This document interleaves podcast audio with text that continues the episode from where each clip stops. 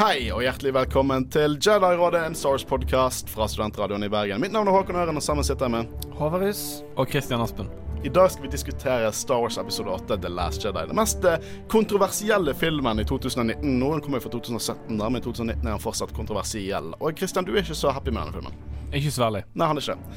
Eh, og eh, vi kommer til å diskutere ganske mye frem og tilbake hva vi synes om denne filmen. Gå inn i law cannon, eh, finne plot holes, prøve å krangle over plot holes. Hvis det er plot holes, jeg syns ikke det er plot holes. For jeg elsker denne filmen. Jeg Jeg synes den filmen er kjempeforfriskende, og jeg blir mer og mer glad i den for hver gang jeg ser den. forfriskende i den form at han er utforutsigbar. Nå prøvde jeg virkelig å få Håvard til å si noe meninger her også. Da. Det er ikke bare ditt, ditt, ditt syn. Jeg har bare sagt en setning. Nå føler jeg at jeg er light Jeg side, og du er dark side. Du vet hvor glad jeg er i Empire. Jeg Håvard, liker du jeg, jeg filmen? skal til og med si en god setning. Du kan ikke begynne kranglingen her, Kristian. Jeg liker filmen eh, veldig, veldig godt. Jeg skulle bare, jeg skulle bare si én setning! Men eh, vi har som sagt veldig mye å si om denne filmen. Eh, og jeg, eh, vi merker at vi allerede er litt irriterte på hverandre her, så det blir en dramatisk episode. Hei, fuck deg, Håkon! Ja, uh, vi, har Nei, vi har derfor bestemt oss for å dele opp denne episoden i to, den også. Eh, I første episode skal vi diskutere akt én, altså ca. 53 minutter inne i filmen. Og i episode to, som kommer neste uke, skal vi de diskutere akt to og tre. Ja, hvis vi klarer det, da. Eh, vi får håpe vi klarer det, ellers så endrer vi på det etter tid. Men eh, nok eh, krangel for oss, for vi skal krangle videre når vi diskuterer fra 2017 Star Wars episode 8, The Last Jedi.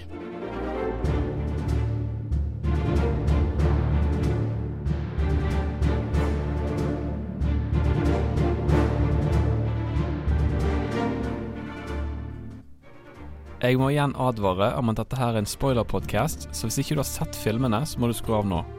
I believe he's spoiling with you, sir.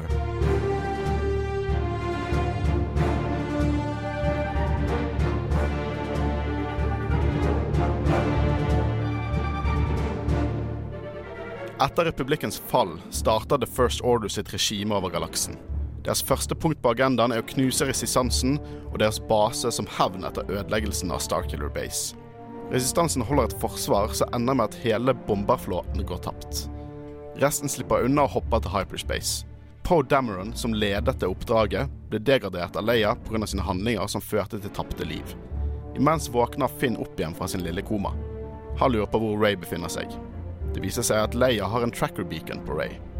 Imens er Ray på akt 2 for å få hjelp av Luke Skywalker til å stoppe The First Order. Luke har ingen hensikt til å hjelpe. Snoke er svært skuffet over Kylo Ren, som han bearbeidet til å bli den nye Darth Vader. Etter å ha drept sin far, Han Solo, er Kylo ekstrem intern konflikt. The First Order har et verktøy som gjør at de kan knuse resistansen en gang for alle. The First Order har nettopp sporet resistansen gjennom hyperspace, noe som tidligere var trodd til å være umulig. En konflikt ender med at nærmest alle jagerne til resistansen blir utslettet og lederskapet drept. Leia er nå i koma etter angrepet. Resistansen er nå under bombardement av The First Order. Det er bare snakk om tid før bensinen til resistansen går tom. Luke Skywalker har funnet ut han skal lære opp Ray, men han skal lære henne opp fordi han skal bevise at The Jedi må avsluttes. Admiral Holdo får kommandoen over resistansen, men hun deler ikke hennes plan med en frustrert Poe Dameron. Finn møter på Rose idet han skal desertere for å finne Ray. Dette ender med at begge drar mot kasinoet på Canto Bite for å finne en codebreaker. De skal infiltrere Snoke sitt skip og skru av sporeren. Ray og Kylo Ren er ubeskrivelig knyttet gjennom The Force og begynner å bli bedre kjent med hverandre. Hvor vil dette føre?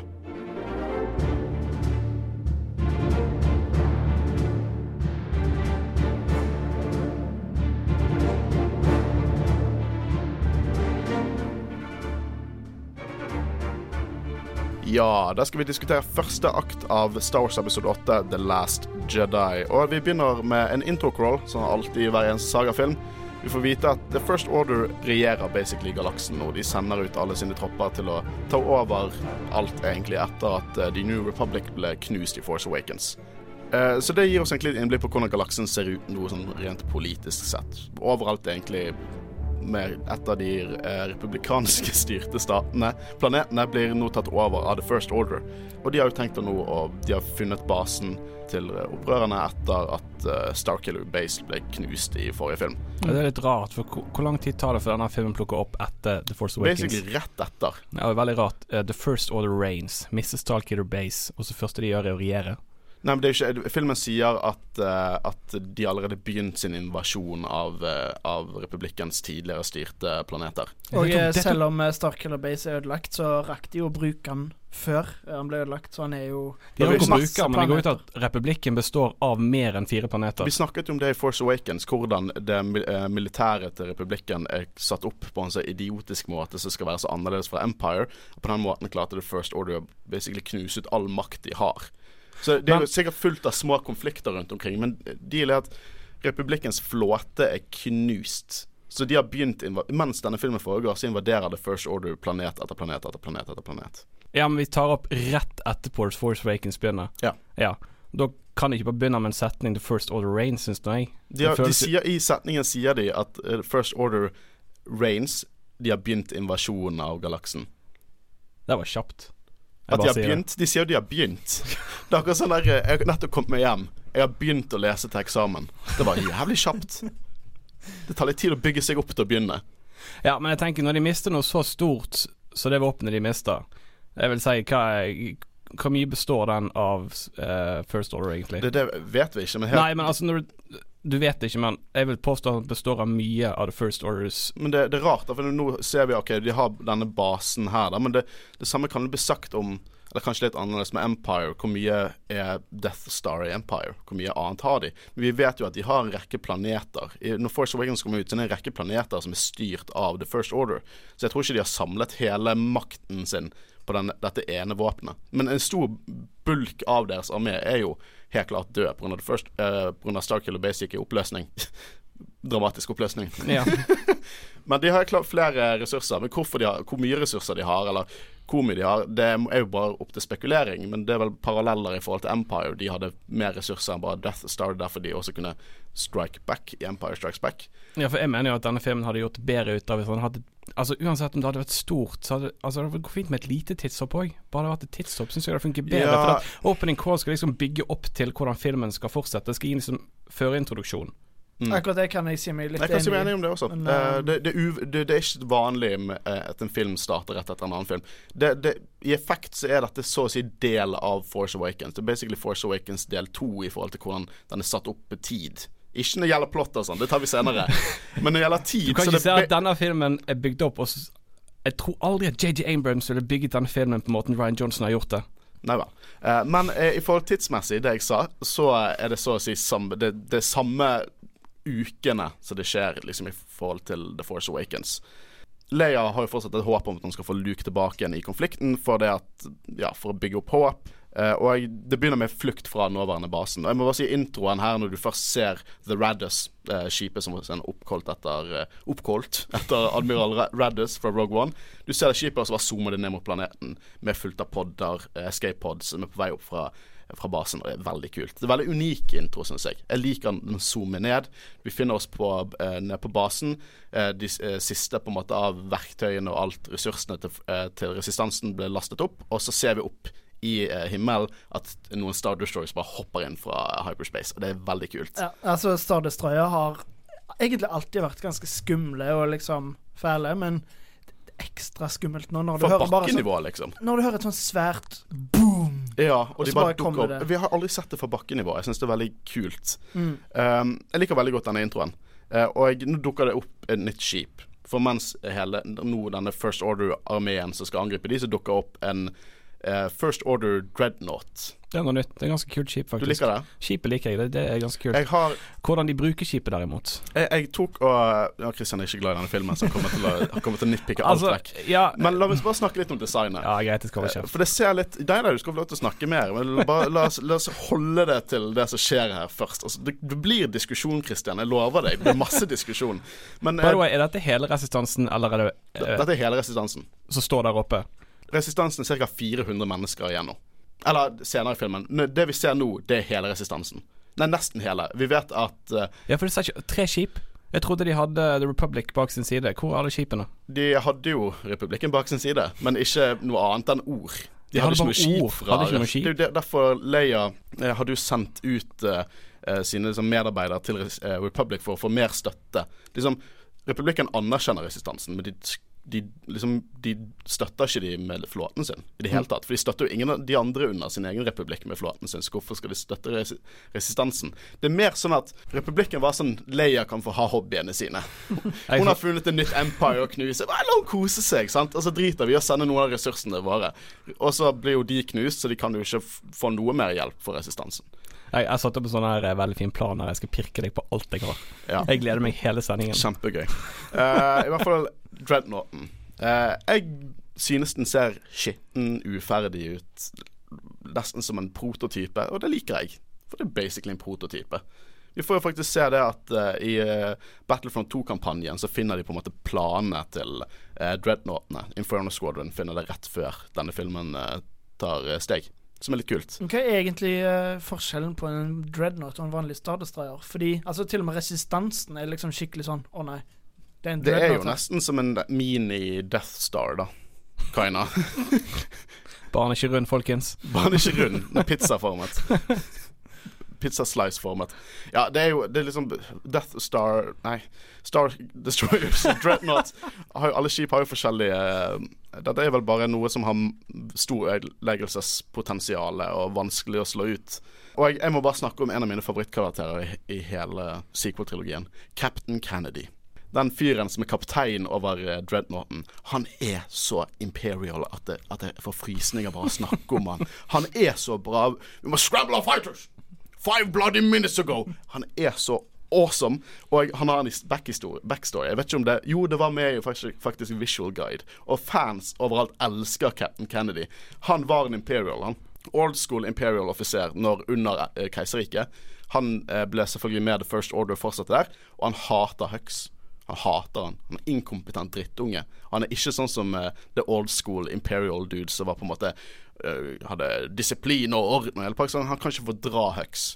Uh, og du, du, hører han litt. Han svarer han og bare sånn Hvem faen er det du tror du er? Og sier det obvious og alt det der. Jeg digger han. Han er skikkelig, skikkelig, skikkelig kul. Jeg elsker Captain Candy. Jeg hater at han dør så fort.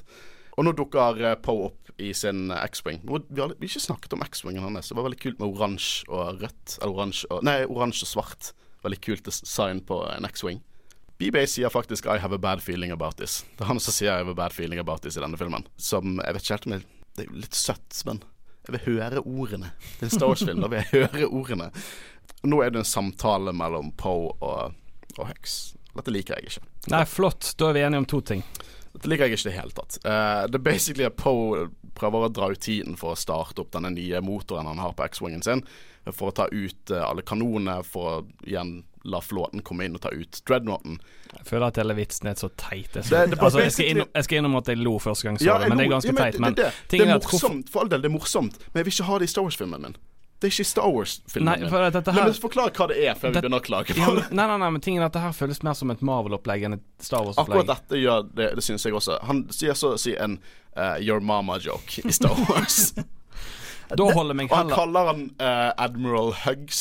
Vet du hva, da holder jeg meg heller til Your Mama-joke-greiene mellom uh, Luke og Wader i uh, Nei, ja, iallfall i Hvilken film er det du har sett? Nei, nå, nå snakker jeg om Robot Chicken igjen. Oh, ja. Your Mama-fighten der er ganske bra. Ja, ok, Skal jeg bare si, bare si Rett før Jeg vet du skal si noe, Håvard, men rett før det Jeg vil bare si at hvis han hadde sagt det Hvis jeg bare hadde sagt dette her og så hadde Hux ikke reagert som han gjør. For det, Greit nok, Posey er en kjempeteit spøk, og jeg liker det ikke i Star Wars-filmen, men jeg liker heller ikke at Hux reagerer Hux. jeg, liker ikke, jeg liker ikke Hux reagerer sånn som han gjør. Da gjør det hele spøken så Det blir så tafatt. Han blir sånn derre I hear you. Can you hear me? I believe he's tooling with you, sir. Fire! Det er så, er så teit. Altså, han skulle egentlig bare begynt å skyte med en gang, og du skal heve ut Tie Fighter, så klart faen hva skipet ja, har om bord. Hvis han hadde bare snakket med han, så hadde han sagt sånn Basically, you may fire when ready. Så hadde den hadde, hadde ikke noe imot spøken til Poe da, for da hadde bare, du hadde sett riktig reaksjon. OK, dette er teit. Drep han. OK, så ja. Det var den spøken til, uh, til Poe, da. Uh, og du, du, hadde noen andre meninger om det? Altså, jeg, jeg, likte det ikke så godt i begynnelsen. Og egentlig av samme grunn, men jeg syns det er litt morsomt at uh, Hux reagerer sånn, fordi han virker liksom bare så han, han, er en veldig cocky person, og så liksom bare klarte han ikke å forstå den vitsen. Og, han forsto jo, han forsto han litt for godt. Jeg tror han, han har Men jeg syns det er morsomt, fordi en av de uh, sersjantene som står ved siden av, de uh, klarer å klarer ikke å holde smilet Det har jeg ikke merket til. Så det er liksom De skjønner vitsen før uh, Hux gjør. eh, Jo, men hele greien er jo bare teit. Det er teit, men jeg syns det er litt morsomt allikevel. Så ok, Teit humor er ikke noe som, eh, som Star Wars på en måte er ukjent for. Det, Det, det har vært i sikkert samtlige filmer, men jeg er ikke så glad i dette. Det, pass, jeg føler, det er bare ikke min type Star Wars. Ikke det at Vi skal ikke fokusere for mye akkurat på det. Det er ikke en liten kommentar, men det er bare filmen starter sånn, så det er litt sånn off-putting. Og nå, nå eh, tar jo eh, på og driver og skyter ned alle kanonene, og det er en kjempekul eh, chase der Tie Fighters kommer ut, og påviser hvorfor han er liksom beste piloten. Og her kommer humor jeg liker. Jeg liker, godt, jeg liker veldig godt denne manøveren, ja, det skal du ha. Den er eh, Når han tar denne U-svingen. Ja, ja, sant. Eh, og så, han, så blir jo han på en måte truffet, da. Så han har ikke nok eh, Han har et eller annet som har skjedd i skipet hans, han får ikke lov til å skyte lenger, så får BB-8 til å fikse det. Og den, den humoren liker jeg. Når BB-8 bare prøver å lukke kretsene og sånn, og så funker det ikke til slutt, så bare dytter han hele seg på det. Det er kjempegøy. Jeg syns det er søtt, og det er Star Wars-humor, og jeg digger det. Det, da, da har, det har ikke noe imot. Det er like goofy. Hvis ikke mer goofy enn for, eh, første del, men det bare føles mer Star Wars. Og han klarer jo dette her, da. Og så får han ringt opp av uh, Leia og sier nå må OK, greit, nå har du på en måte tatt ut kanonen og bla, bla, bla. Kom deg unna.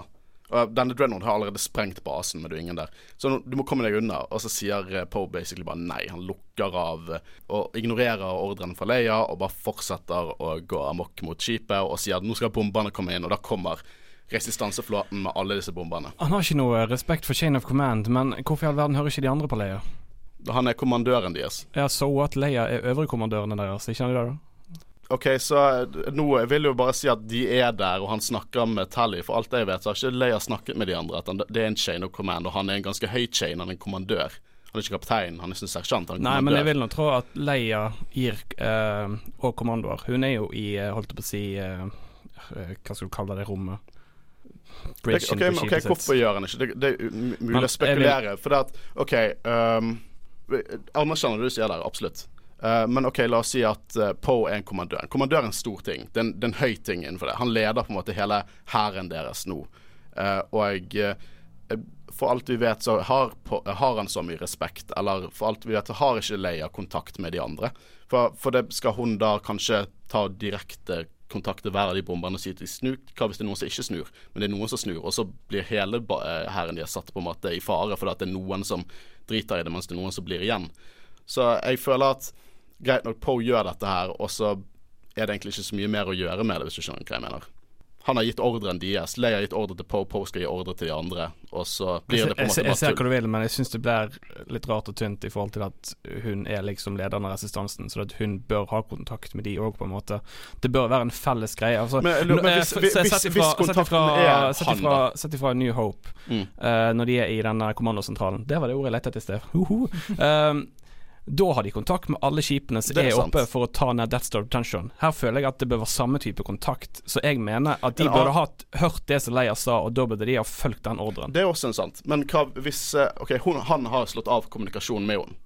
Men skal hun si beskjed til de andre da at de skal snu, og skal de etterlate Poe der? Um,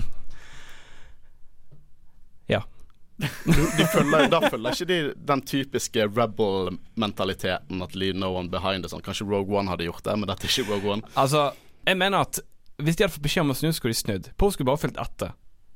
Altså, han kunne bare flydd etter dem. Kunne han ikke Men nå, nå spekulerer vi om hva karakteren hadde gjort eller ikke. Det vet vi ikke. Vi vet Nei, vi at, Poe- vet ikke, vi vet vi vet at Poe ikke er den karakteren som gjør det. Nei, Han, han angrep ja, alene da er det hans valg. Hvis han vil gå face to face Ja, men- med the first order, Nå, nå spekulerer vi på en annen måte enn hva som skjer med plottet. Nå snakker vi om sånn OK, men det er Poe sitt problem. Men det liksom, nå snakker vi som om ting som ikke skjer. OK, Ja, men da jeg, jeg synes at du har et godt poeng. For alle, du har et godt poeng der. Det synes jeg. Takk. Men de hadde ikke latt Poe ligge der igjen. Leia hadde ikke latt Poe ligge der. De har et for dypt forhold. De har holdt på De har kjent hverandre og jobbet med hverandre i flere, flere år. Eh, han, hun groomer han til å være lederen av resistansen. Ja, så, det, ikke så, det er derfor hun degraderer han til kaptein. det er jo mer for en, eh, for en lærepenge. Vi får jo se senere i filmen at hele hans Hele hans eh, character arc arc er jo det du, at han har, skal du har lærepenge. Nå peker jeg hånda mi ned mot bordet, så tar jeg opp degradering. Altså, lærepenger og degradering er veldig stor forskjell. Du vet jo virkelig ikke hva, hva Leia tenker. Men la oss ikke hoppe frem og tilbake, for det kommer ikke til å diskutere Luke Ja, nei, så i jeg første mene, akt. jeg skal ikke det, men jeg mener det at det bør være en felles kommunikasjon. Jeg mener det at aldri... de burde da hørt på Leia, ikke på den som er under Leia. OK, så nå kommer jo faktisk resistanseflåten inn eh, med sånne gamle bomberskip. Veldig andre verdenskrig inspirert. Eh, og Tally er en ny versjon av en A-wing. Eh, jeg syns denne kampen er veldig kul. Jeg liker veldig godt når de kommer inn og musikken som kommer. Men eh, de burde kanskje plassert bombene sine litt vekke fra hverandre. Nei, Jeg tenkte på akkurat det samme. det er så syk dominoeffekt her. Så hvis én sprenger, så bare kommer en gnist bort en annen, og så sprenger den. Og til slutt så er det bare én bomber igjen. Eh, denne filmen har en sånn fellesnevner at eh, begge, noen av sidene er veldig flinke til å plassere skipene sine. Og det har en ganske negativ eh, konsekvens. eh, basert på hvor de plasserer det. Og eh, disse skipene er jo basically selvmordsbombere. Man kan ikke forvente å komme tilbake når man setter seg i et sånt skip. Du kan altså Hvis de hadde Hvis han klart bedre kommandør enn Poe Dameron, mener du? Nei, men altså Hvis de ikke hadde blitt sprengt, alle andre, så kunne de jo ha klart å komme seg unna. Hvis de hadde Hvis f.eks. første skipet hadde klart å slippe bombene. Men hvorfor kan ikke de bare sånn Hvorfor må de gå sånn Napoleon-krig mot dem? Hvorfor kan ikke de bare flanke? Kanskje, kanskje de bare hvorfor, Hvis, hvis en bomber kom bak For at da tar det litt, kanskje litt lengre tid. Det er sant. Eh, jeg liker når du motargumenterer min negative poeng mot deg. Vi, bare, vi, bare, vi er sånn Aten og Sparta, Batman og Jokeren. Vi er bare mot hverandre. Skal vi gå inn på diskusjonen med gravitasjon? Ja La oss gjøre det. Men altså, det, det, der på- stammer helt tilbake fra originaltrilogien. men kan jeg bare påpeke en ting? Uh, Page, Page Tico, det hun heter. Vi får se hun i den Eh, noe sånt. Ja, hun er søsteren til Rose vi blir kjent med senere. Stemmer. Og hun på en måte gjør sin last stand her og klarer å, få den siste bomberen til å falle ned. Men jeg bare si at det er ganske kult at de klarer å få meg til å bry meg om karakterer som ble introdusert for 30 sekunder siden. Eller er det bare meg som bryr meg om henne? Nei, nei, Nei, jeg kan si meg enig. Ja. Altså, hun ofrer seg jo. Og så er det, det vet ikke, jeg, bare, jeg liker skuespill og alt. Det, hun sier jo ingenting, men på en måte det er mer til skuespill enn bare dialog.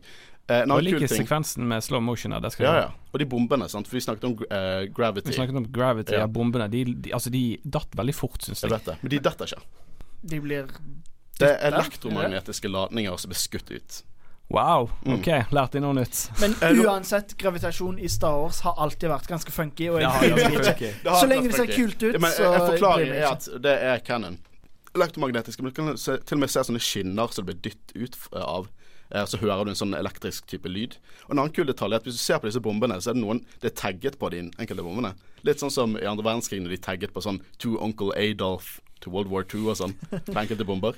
Det er små sånne detaljer. Men det er ikke klart i filmen, er det det? De små detaljene der. der. Ja. Ja, men det er bare sånn Det, det er set dressing, liksom. Det, det er litt sånn som ting i bakgrunnen av kantinaen. og Sånn. Det er liksom ikke noe viktig for plottet. da Det er bare en kul liten easter egg til vår verden, vil jeg si. Som igjen gjør at filmen og Føles universet føres. Ja, det er liksom det er det Star Wars holdt på med siden 77. Mm. Små tilsynelatende ubetydelige detaljer i bakgrunnen, så hvis du bare researcher, så bare får du mye mer.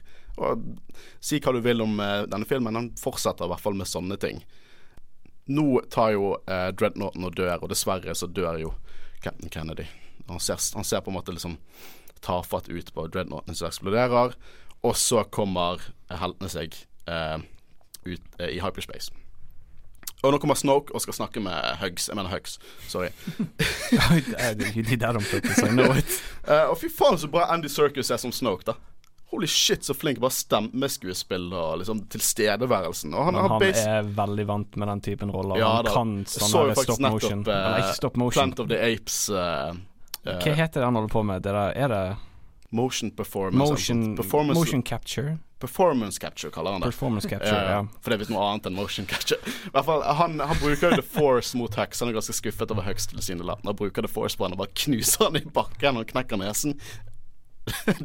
OK, jeg liker ikke Hux, men jeg liker hva de gjør mot Hux. Jeg liker at han bare blir den personen som alle bare torturerer i denne filmen.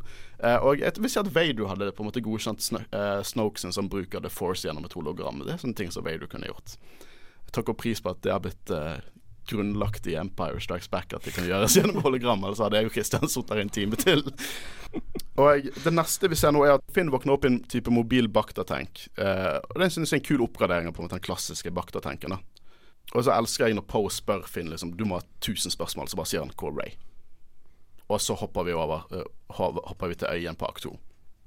Og det, det, akkurat det, Finn 'Hvor race Ray?' sier mye om karakteren Finn, og setter opp hans karakterreise, vil jeg si. Det kommer vi tilbake til når vi tar for oss uh, Canto Bate. Gleder du deg, Christian? ja da, vi skal snakke om den mest unødvendige scenen i hele Star Wars-universet, så det er greit. Vi gleder meg til den. Mm -hmm. Og da er det Ray og Luke på akt to. Eh, det fortsetter sekundene etter Force Awakens, og det har aldri skjedd før i Star Wars. Da har vi diskutert litt. Og Luke får lightsaberen sin tilbake, men her ser man, man ser faktisk skader på robotarmen hans etter han ble skutt i uh, episode seks. Og er det derfor han kaster han bak seg? Det, uh, jeg liker ikke hvor sassy du er. Men uh, han får lightsaberen sin og han kaster den over skulderen. Ja, dette er Luke i denne filmen. Motvillig til å dra tilbake for å joine krigen, det alle forventer han skal. Uh, jeg føler det er første hint at vi kaster vekk Altså, kaster vekk alt det JJ gjorde i første filmen. Eller ikke alt, det var litt drøyt. Lurer på hvem det var som plasserte han på denne øyen og sa at han forlot uh, galaksen. Hm, det var ikke, J, det var ikke uh, Nei, det var ikke Ryan Johnson som gjorde det. Hva het han? JJ Abrams? Jeg går ut fra han plasserte seg sjøl. altså, ting, nei, vent litt nå, hvis du først går inn Eller kan jeg hoppe der? Går det fint? Jeg kommer okay, tilbake greit, til det. Ja. Alle forventer han skal joine, men uh, han gjør ikke. Jeg må bare si at jeg liker veldig godt Luke i denne filmen. Jeg liker, jeg liker konseptet. Uh, jeg ser at folk kan ha problemer. Jeg liker bare det der med gammel, nesten som Ronin, uh, japansk mytologi, læremester som på en måte har gått i eksil. Men jeg liker ikke når han kaster lightsaberen sin. Nei, for at men jeg tror, ser... du, jeg, jeg tror, ikke du, vet hvorfor jeg ikke liker det, men bare få høre hva du sier. Nei, jeg vil bare si at uh, når du ser slutten på Force Awaken, så ser du liksom uh, følelsen i blikket hans det han har lagt bak seg, og det virker som han har lyst til å komme tilbake igjen. Eller er noen noe han har på hjertet? Du legger veldig mye i små ting. Sånn What girl betyr at hun er datteren til noen. Ja, det også, blikket også, han har lyst til å komme tilbake. Og så føler jeg at han har helt annet blikk når du ser åpningsscenen med han i uh, Last Jedi, med at han bare kaster lightsaberen bak seg. Jeg syns det Altså det, Ja. Ja, Vi kommer mer inn på Luke. Jeg, jeg, må bare si at Vår største konflikt i forhold til karakteren Luke i denne filmen Det kommer ikke før neste episode. Det er i slutten av filmen. Vi kommer til å samle det ned og så ha en duell når det gjelder Luke. da Men småting eh, kommer vi opp her. Eh, for det, Han kaster vekk lightsameren sin. Han er ikke interessert i å joine i det hele tatt. Og jeg liker ikke hvordan han kaster lightsameren sin.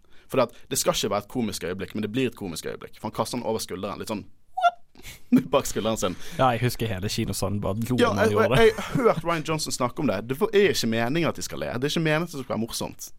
Men hvis han bare hadde sluppet lightsaberen sin, eller bare gitt den tilbake til Ray for all del, bare kaste den fra seg foran seg istedenfor å vippe den bak ryggen sin, så tror jeg det har hatt en helt annen effekt på filmen. Jeg har ikke noe imot at han ikke har lyst til å ta imot dette legendariske våpenet for å ta opp krigen.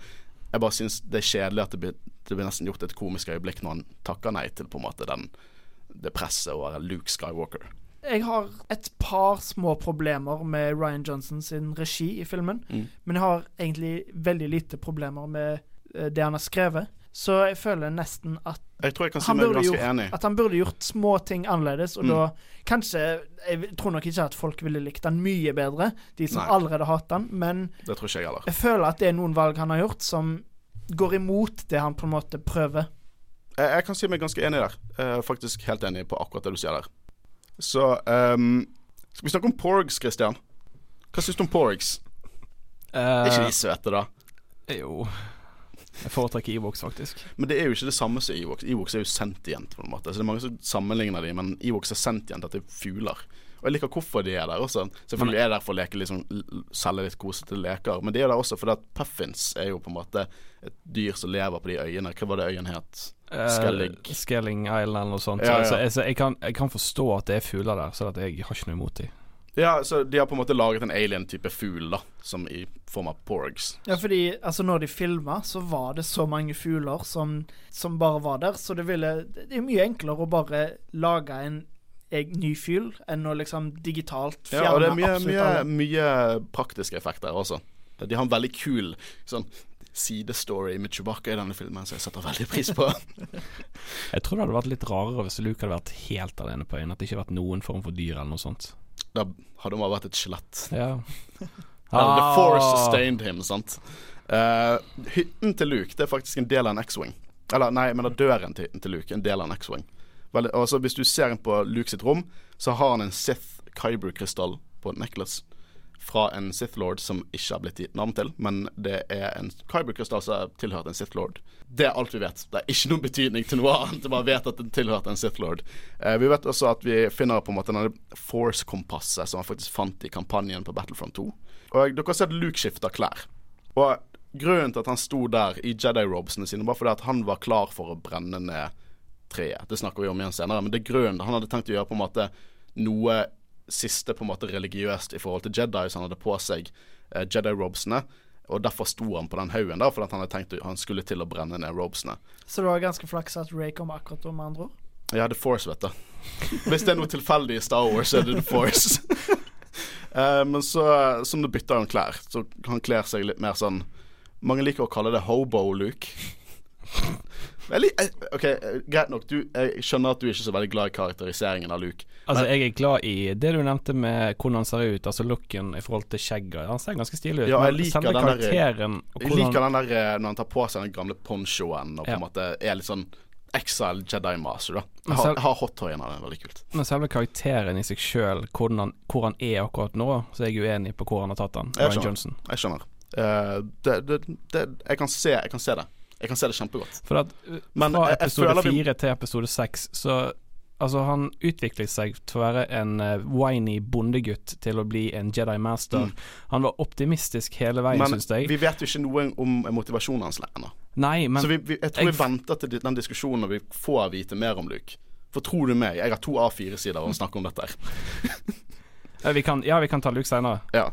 Ja. Igjen, igjen bare du, du er uenig i hvordan de har tatt Luke. At han er motvillig til å komme tilbake igjen er litt grinete, og du syns ikke det matcher Luke i originaltrilogien. Riktig. Ja, OK. Jeg er uenig. Det var faktisk komme, bedre enn jeg kunne sagt det sjøl. og vi skal komme tilbake til det, Christian. Tror du meg. Uh, og jeg, uh, nå sitter han inne på rommet sitt, og Chewbacca bare stormer inn og brøler til han.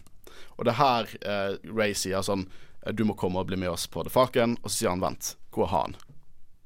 Og da, da, da på en måte inn, han innser at han er død. Nå hopper vi til Snike Snork. Snoke og Kylo Ren. og jeg um, Først skal vi snakke litt om tronerommet. Hvor kult er ikke det tronerommet? Med rødt, eh, rødt i bakgrunnen. Du ser sånne røde Pretorian Guards. Helt klart callback til, til de Royal Guardsene i bakgrunnen. Han har til og med noen sånn personell som står borte, som kan se inn i andre dimensjoner.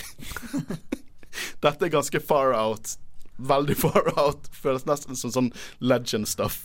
Uh, Jeg har ingenting på dette, for jeg visste ikke at Snoke har til og med en ring, og den ringen er fra, er fra steiner som du finner under Vader sitt slott. Hva, Har du stått med sånne forstørrelsesglass og kikket på denne filmen, eller? Er det Nei. sånn hodet mitt fungerer? Ja, det er sånn hodet det fungerer. The Visual. Guide. Ja. Det, det er nøkkel til all kunnskap er Visual Guide. Det er mine bibler. Eh, Det er men liksom at du Det ser for meg at du stopper på hver enkelt scene, og så googler du deg fram til hva er dette, hva er dette. meg, jeg har sånn tre skjermer hver gang jeg researcher en film. Du har filmen, så har du Wikipedia, så har du notatene mine. Det er, tror du meg? Jeg, jeg vil ikke si noe her uten at det er grundig, grundig researchet. Men jeg føler designet på Snoke, eh, i forhold til at han går med en eh, god morgen-kåpe En gull, en gull morgenkåpe. Hvor swag er ikke det, da? Jeg, vet hva, jeg, når jeg, jeg husker det første jeg så av Snoke fra den filmen, var en sånn plushie. Og jeg bare What the fuck is this? Men designet har virkelig vokst på meg. Det er liksom, han er liksom Han er en sånn gammel, ødelagt mann. Jeg vet ikke om han er alien eller mann. Eh, og så på en måte prøver han å opprettholde liksom, den prestisjen han burde ha, men han på en måte posituren hans han er sliten og på en måte det, jeg liker det. Litt sånn som når du ser sånn Gangs of New York, når liksom de bandittene helt, prøver, helt klart prøver å være gentlemen. Ta på seg klær, og så har de på seg sånn skitne og ødelagte gentleman-klær. Skjønner du litt der jeg drar etter der? Men Snoke er jo Han snakker jo til Hux, for, og så får Hux formidler jo at de på en måte har de on a string, eller et eller annet sånt greier. Og så når han går ut, så går eh, Kylo Ren forbi, eh, forbi han igjen med masken på hele pakken. Og så sier Snoke høyt Hvis du lurer på hvorfor jeg har en sånn eh, rabiat tulling i en maktposisjon, at en slik person det kan bli manipulert til å være et skarpt eh, objekt. Og han snakker tilsynelatende om, om Hux. Men jeg føler, jeg tror også han indirekte Eller han snakker også direkte til Kylo Ren. Jeg tror det. Jeg tror han, han kødder med han og passiv-aggressivt og manipulerer han.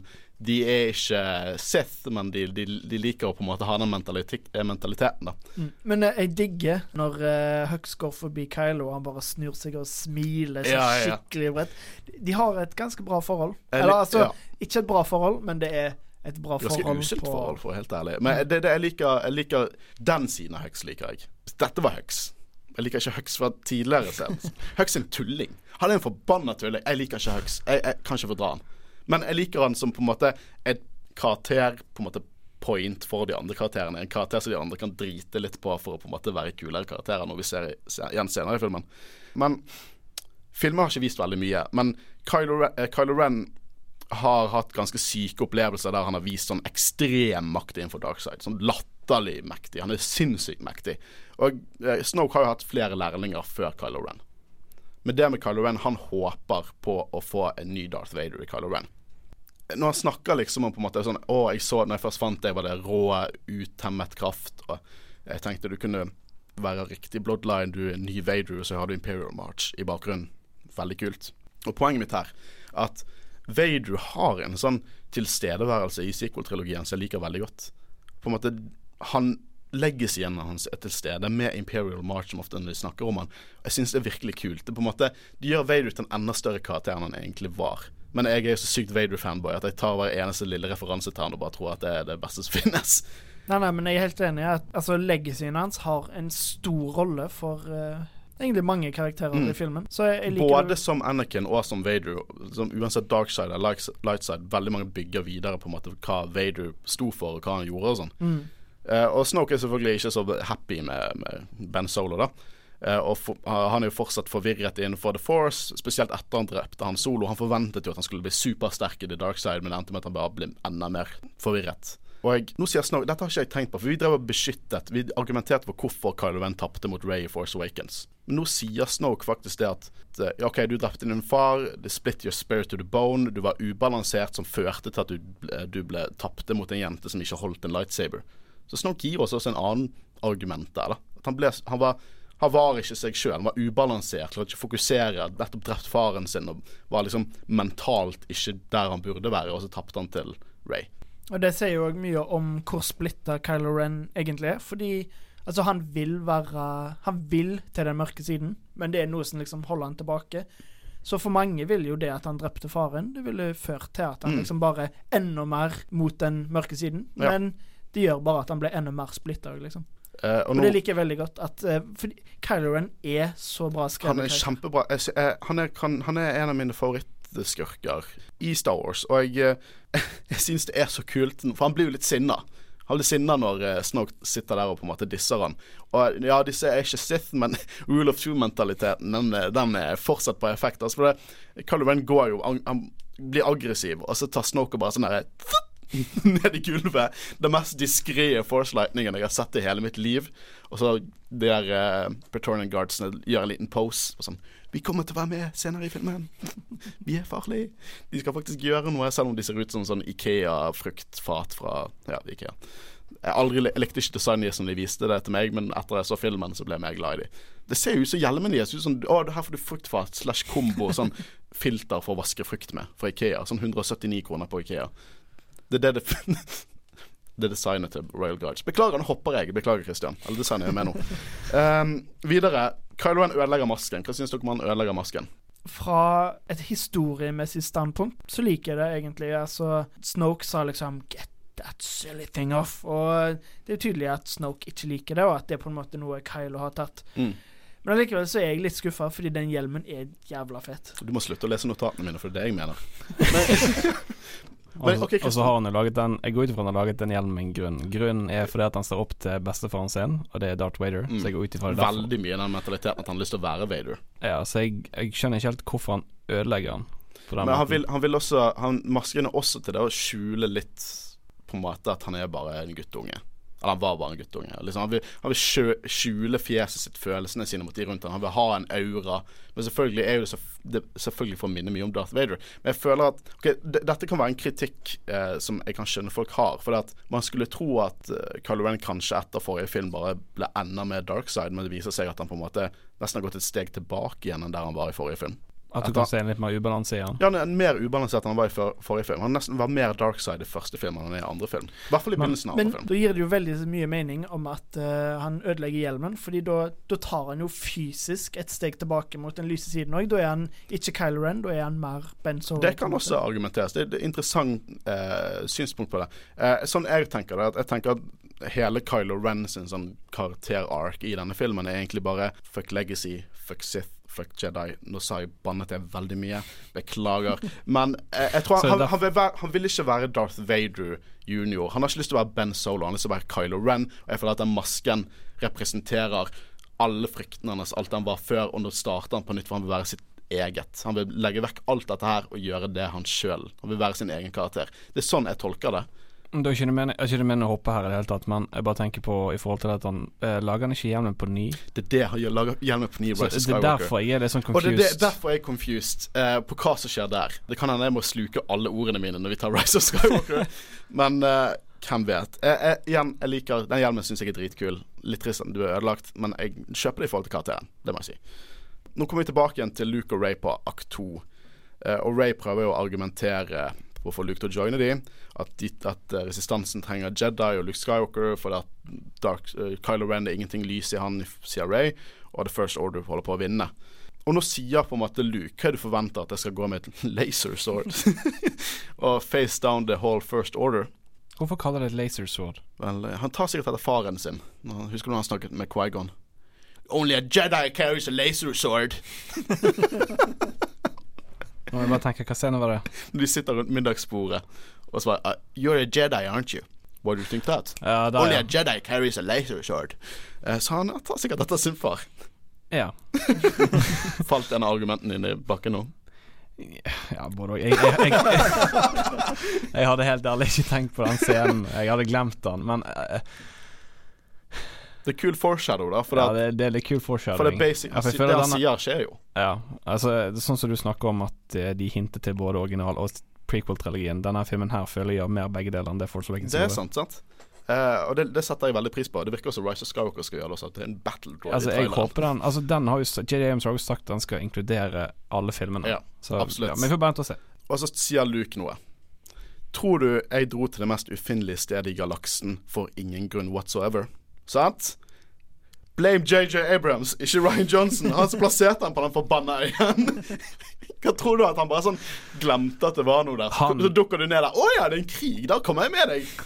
Skyt meg ned hvis du vil nå, men greit. JJ Abrams plasserte han på øyen. Ok, Ryan Johnson ga grunn til han, hvorfor han er på øyen. Det er også spekulering. Nei, det er ikke spekulering. Det er jo spekulering. Nei, altså når jeg leser intervju Altså Ryan Johnson fikk kreativ frihet når han lagde denne filmen der. Ryan Johnson altså. Ja. Men eh, jeg vet at det var kommunikasjon mellom de. Hvordan Jo, men Lu... Nei, nei, nei. nei, nei. Uh, han skrev uh, utdrag til episode 8 og 9, men han fikk full kontroll til å gjøre hva han ville.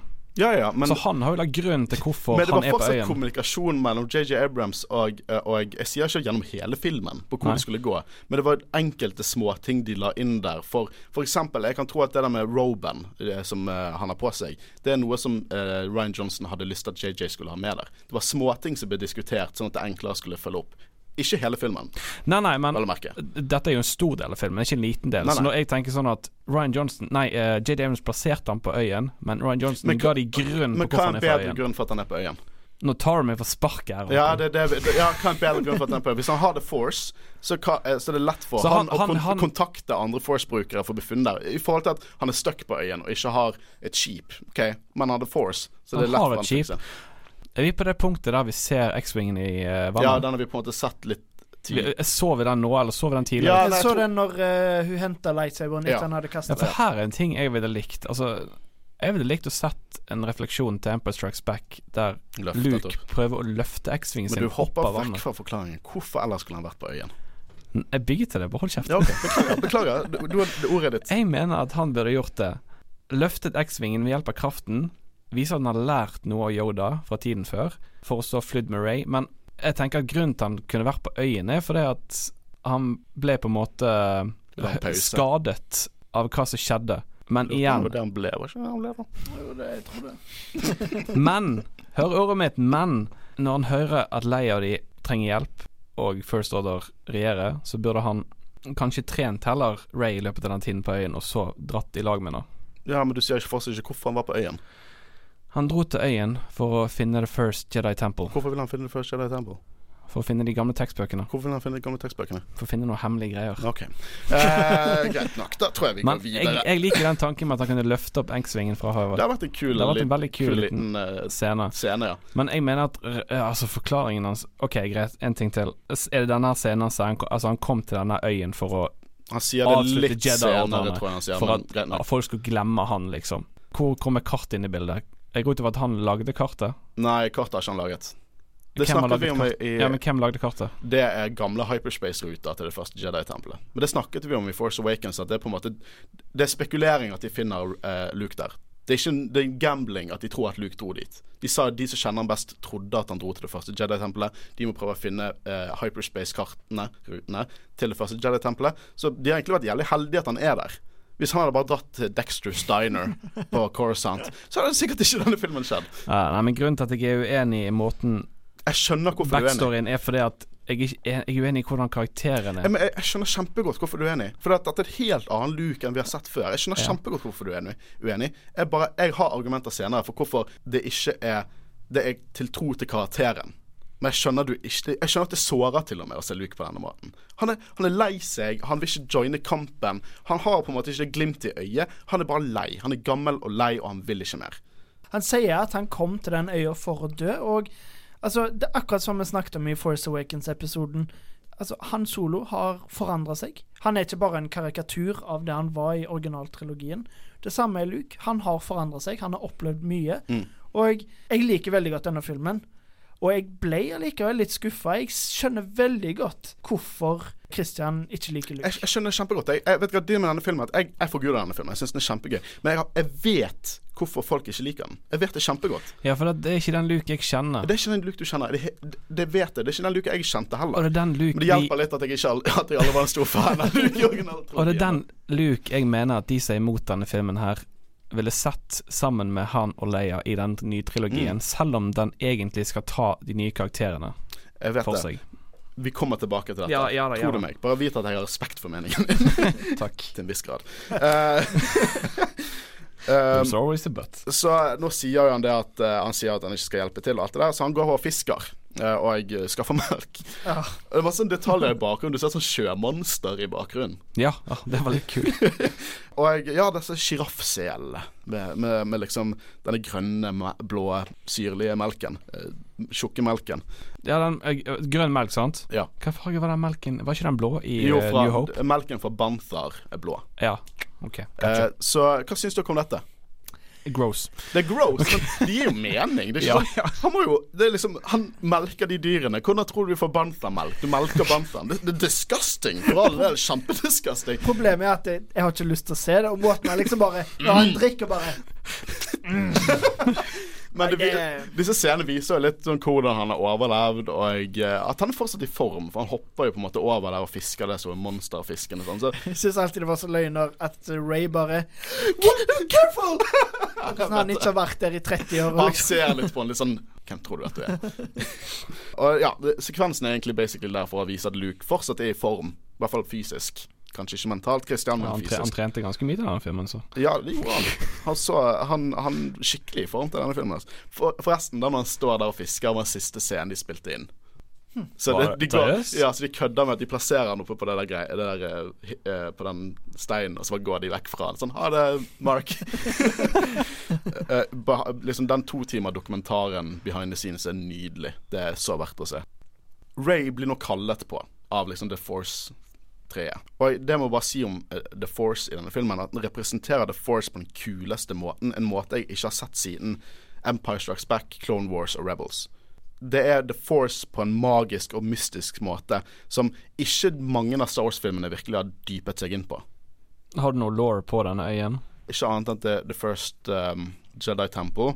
Disse trærne er Force Trees. Foreldrene til Poe Dameron De fikk et Force Tree av Luke, faktisk. Som lim- potteplante Force Tree. sånn lite bonsai-tre. ja, ja. Så de trærne har The Force, basically. Eh, Så kommer hun inn der så ser hun masse gamle Jedi-tekst. Du ser old school Jedi-ikoner. Det, liksom, dette er Old Republic-shit, liksom. Det med magisk The Force og eldgammel Jedi Order. Skikkelig kult. Og Luke kommer inn da og ser at hun har gått mot Jedi Tree. Og han skjønner jo at det er et eller annet med henne. Mark Hamill var ikke enig med hvordan karakteren gikk, liksom som Christian. Men Mark Hamill bringer sitt A-game. Det kan ikke du si noe på. Han hatet kanskje karakteren, men faen, han spiller godt. Nei, nei, altså det er jo det sagt i løpet av intervjuet at han ikke er enig med hvordan karakteren er gått, men han skal gjøre sitt beste for å gjøre det Og Ryan det er mye Johnson prøver å vise. han. Det er mye det er mye respekt. respekt for han. Det er mye Bare hvordan han spør Han sier sånn 'Hvem er du?' sånn tre ganger, og hver gang han sier det, så sier han det på forskjellig måte, så det gir mer og mer betydning. Og jeg, eh, han sier jo også sånn at 'Ja, du trenger en lærer, men jeg kan ikke lære deg'. Eh, Det er på tide at Jediene må avsluttes. Det hopper nå eh, Jeg vet ikke hva Nå får vi på en måte den første på en måte mer Får vite litt mer hvor eh, Luke står, da, som du sikkert er veldig Jeg uenig i. jeg husker når den scenen var med i Ja, traileren. ja, fy søren. eh, liksom, Og Dark side, side Luke. Det var det folk tenkte. ja, altså, bare så du liksom alle kommentarene på YouTube når jeg leste det, at It's time for the Jedi to end this. Folk liksom prøvde å ja, si to hva end this fight. Bare De mente at replikken var kutta, på en måte. Nå er det tilbake til Raddus, da. Eh, Og uh, Poe ble degradert. Det er ganske lenge nå. Nå ble han degradert. Endelig. Der ble han Eh, degradert, ja. ja, og jeg, du hadde jo noe imot dette siden eh, Eller Nei, altså- fordi at jeg sa at uh, Leia har groomet han til å bli en leder. Ja, ja, altså, jeg kan godt Altså, jeg forstår hvorfor han ble degradert. Mm. Det skjønner jeg veldig godt. Men du, du, i forhold til det at han, hvis han blir groomet til å bli en leder, hvorfor han blir degradert da? Blir han groomer i denne filmen? Uh, ja, han blir på en måte det, men det, det er på Men altså, nei, tingen er at jeg skjønner hvorfor han ble degradert. Fordi han uh, disobeyed an Mm. order. Hva er det på norsk nå? disobeyet en order. Disobeyed an order? Nei, ok. Det, poenget mitt var bare det at hvorfor de andre ikke hørte på Leia. Det er det eneste poenget mitt. er. Ja, ok. Det eneste poenget Ja. mitt. Eh, men i hvert fall, uh, han blir degradert da og bare slått. Jeg liker den. Til, til kaptein, forresten. Ja, så, så Leia slår han. You demoted. jeg liker, liker det. Hvis du, hvis du går på YouTube, så kan du finne sånn ti eh, timers klipp med Leia som slår på. Og det viser seg at Ray og Leia har en sånn tracker tracker beacon, sånn at de kan finne hverandre. Admiral Akbar er tilbake. Han er ved roret igjen på The Raddus. Vet du at sønnen til Akbar er en karakter i Rise of Skywalker? Ikke litt gøy. Ja, det er liksom sånn eh, Nei, nei. Det Jeg er skal, litt jeg skal gøy, ikke gøy, men jeg skulle ønske det faktisk var ekte. Ja, det skulle jeg også tilbake til. Har han en replikk i den filmen, egentlig? Ja da. Er sånn derre Admiral, turn this shipper around. Say what? Proximity alert! Han sier liksom sånne Akbar-greier. Eh, Jeg føler at han Men nei, nå, ja. nå kommer First Order ut av hyperspace i en fuckings mega Star Destroyer. Vi har hatt Imperial Star Destroyer, vi har hatt Super Star Destroyer, nå har vi megaclass Star Destroyer i form av The Supremacy. Og det er basically bare en avlang sånn vinge. Så det, ja, lang, veldig lang, diger Star Destroyer. Og det er Snokes sitt flaggskip. Og de har OK, nå kommer jeg opp på en annen ting. De finner ut at de har tracket dem gjennom hyperspace. Og det blir formidlet at resistansen har nok til ett hyperspeed Eller nok fuel til å hoppe på ett hopp til. La oss snakke bensin, Christian. Ok. Jeg har jo vært ganske på dette greiene fra starten av med Ja. bensin, Håkon. Det vet du jo. Eh, jeg skal trekke meg litt tilbake pga. det som skjedde i Phantom Menace. Men jeg vil nå tro Dette er eneste argumentet jeg kommer til å hate deg angående drivstoff. Mm. Jeg vil nå tro, eller påstå, at en god resistanse vil ha fylt på tanken til enhver nødsituasjon. Eh, det er et godt argument, men det spørs hvor mye de planlegger å hoppe. da Så Når vi har sett, filme, vi har sett filmene Bare la, la oss si vi ser tilbake på filmene vi har sett. Når de hopper, det er som regel de er på en, de er på en stasjon, de hopper til ett sted, de hopper tilbake. Det er veldig sjelden det er hopp, hopp, hopp, hopp. hopp, hopp. De hopper t- for eksempel eh, Millennium Falcon hopper fra Tatooine til eh, Alderaan, og så hopper tilbake til Javin 4. Og så må vi ikke glemme at uh, i Force Awa- Awakens det er ganske tilfeldig at de klarer å ødelegge um, Starkiller Base, for de får hjelp av Finn. Mm. Så det er jo ikke akkurat noe de hadde planlagt på, at de måtte slippe unna. Nei, vi ser jo også de, de, Og- de får ikke alt med seg engang fra basen. Ja, Mm. for alt vi vet, så måtte de forte seg vekk fra basen når First Order var etter, etter dem. Nei da, jeg bare tenker i forhold til Evakuering er jo en stor del av dette her. Det Mm. Det er jo de- noe de de alltid må forberede på. Under evakueringen så angrep First Order, så det var problematisk, vil jeg tro. Ja, men da tenker jeg hvis de er klar for en evakuering, da bør de være 100 klar. Jeg tror ikke det er mulig å være klar Nei, på den måten. Nei, jeg vil ikke være på 100% klar, men eh, de bør være 100 klar til å komme seg til det stedet de har tenkt å komme seg til. For de har vel et mål, går jeg ut ifra. Uh, ja, eller jeg vet ikke hvor mye mål de har nå. For det, nå vil jo de med det første bare komme seg vekk derifra. da Ja, men jeg går ut ifra de har en destinasjon. Det vet jeg ikke om de har. Jeg tror de bare, Det virker som de bare har lyst til å komme seg vekk derifra og så starte på nytt. Ja, for jeg vil se for meg at Leia er den personen som tenker ganske langt frem. Mm. Hun har liksom en plan. Hvor er det vi skal Tror til du next? planen var kommet til eh, Crate allerede da? Nei. Nei.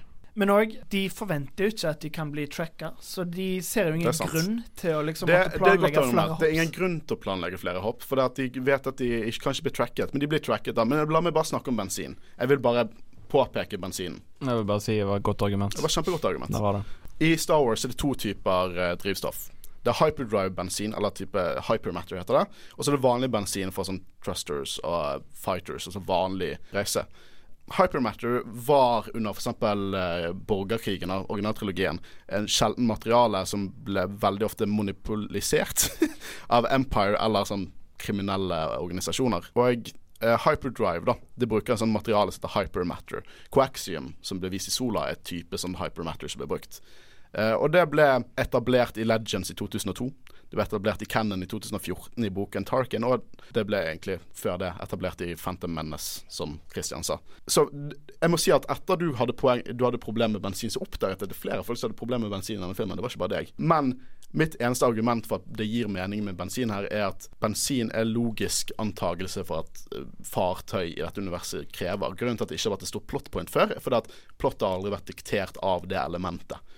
Det har aldri vært viktig for de å ha bensin i plottet før, og nå er det det, så det blir mer fokus på det. Eh, ok, Nå må vi begynne å snakke om dette, for de tracker det gjennom lightspeed. Og det var jo en ting som var tidligere umulig å gjøre. Og om du på en måte Noen er også litt noe mye imot dette her. Jeg bare spør uh, fra New Hope uh, Er fortsatt uh, tracking beacon på Millennium Falcon? Etter alle disse årene. Det antar jeg. Eller de tar sikkert av. Så i og med at uh, The First Order is the ashes of the empire, da burde vel egentlig The First Order muligens skal tracke Nei, til Scaling hva, det, er 34 år siden. Jeg nekter å tro at det fortsatt er en tracking på det. Men i hvert fall, de har eh, First Order har eh, funnet en vei å tracke det gjennom lightspeed. Og jeg, vi får vite i Rogue One at Keiserriket utviklet det, og det ble vist eh, at det var på Scariff i Citadel Tower, da Gin Erso prøvde å finne planene til Death Star. Så det er litt kult. Da. Det er helt sikkert noe som Ryan Johnson har bedt eh, Edwards om å legge inn i filmen sin. Vel, det, det liker jeg. Eh, veldig kult. Og nå får vi se Kylo Ren i sin Thai Silencer. Det som er kult med Tyler Silencer, det er veldig kult design, en sånn spiss thai, på en måte. Men de måtte redesigne det. For det, de designet det, la ut designet til lekene, og så kom Hasbro og lagde en leke. Og så sa designerne faen, det ga mer mening. så de redesignet det basert på leken som originalt var designet på det. For de hadde rakett, eh, leken tok rakettene på vingene. Det var egentlig ikke det som var planen. Så de la rakettene på vingene istedenfor cockpiten. Eh, en kul liten, uh, liten detalj. Eh, og Kylo og andre Han tar en sånn spinning move. That's a good trick. Så han er veldig, veldig som sin bestefar der. Dreper så å si mesteparten av fighterne her. Og først var de ganske effektive her i begynnelsen av filmen. De feiler litt senere, men her i begynnelsen av filmen er de ganske effektive.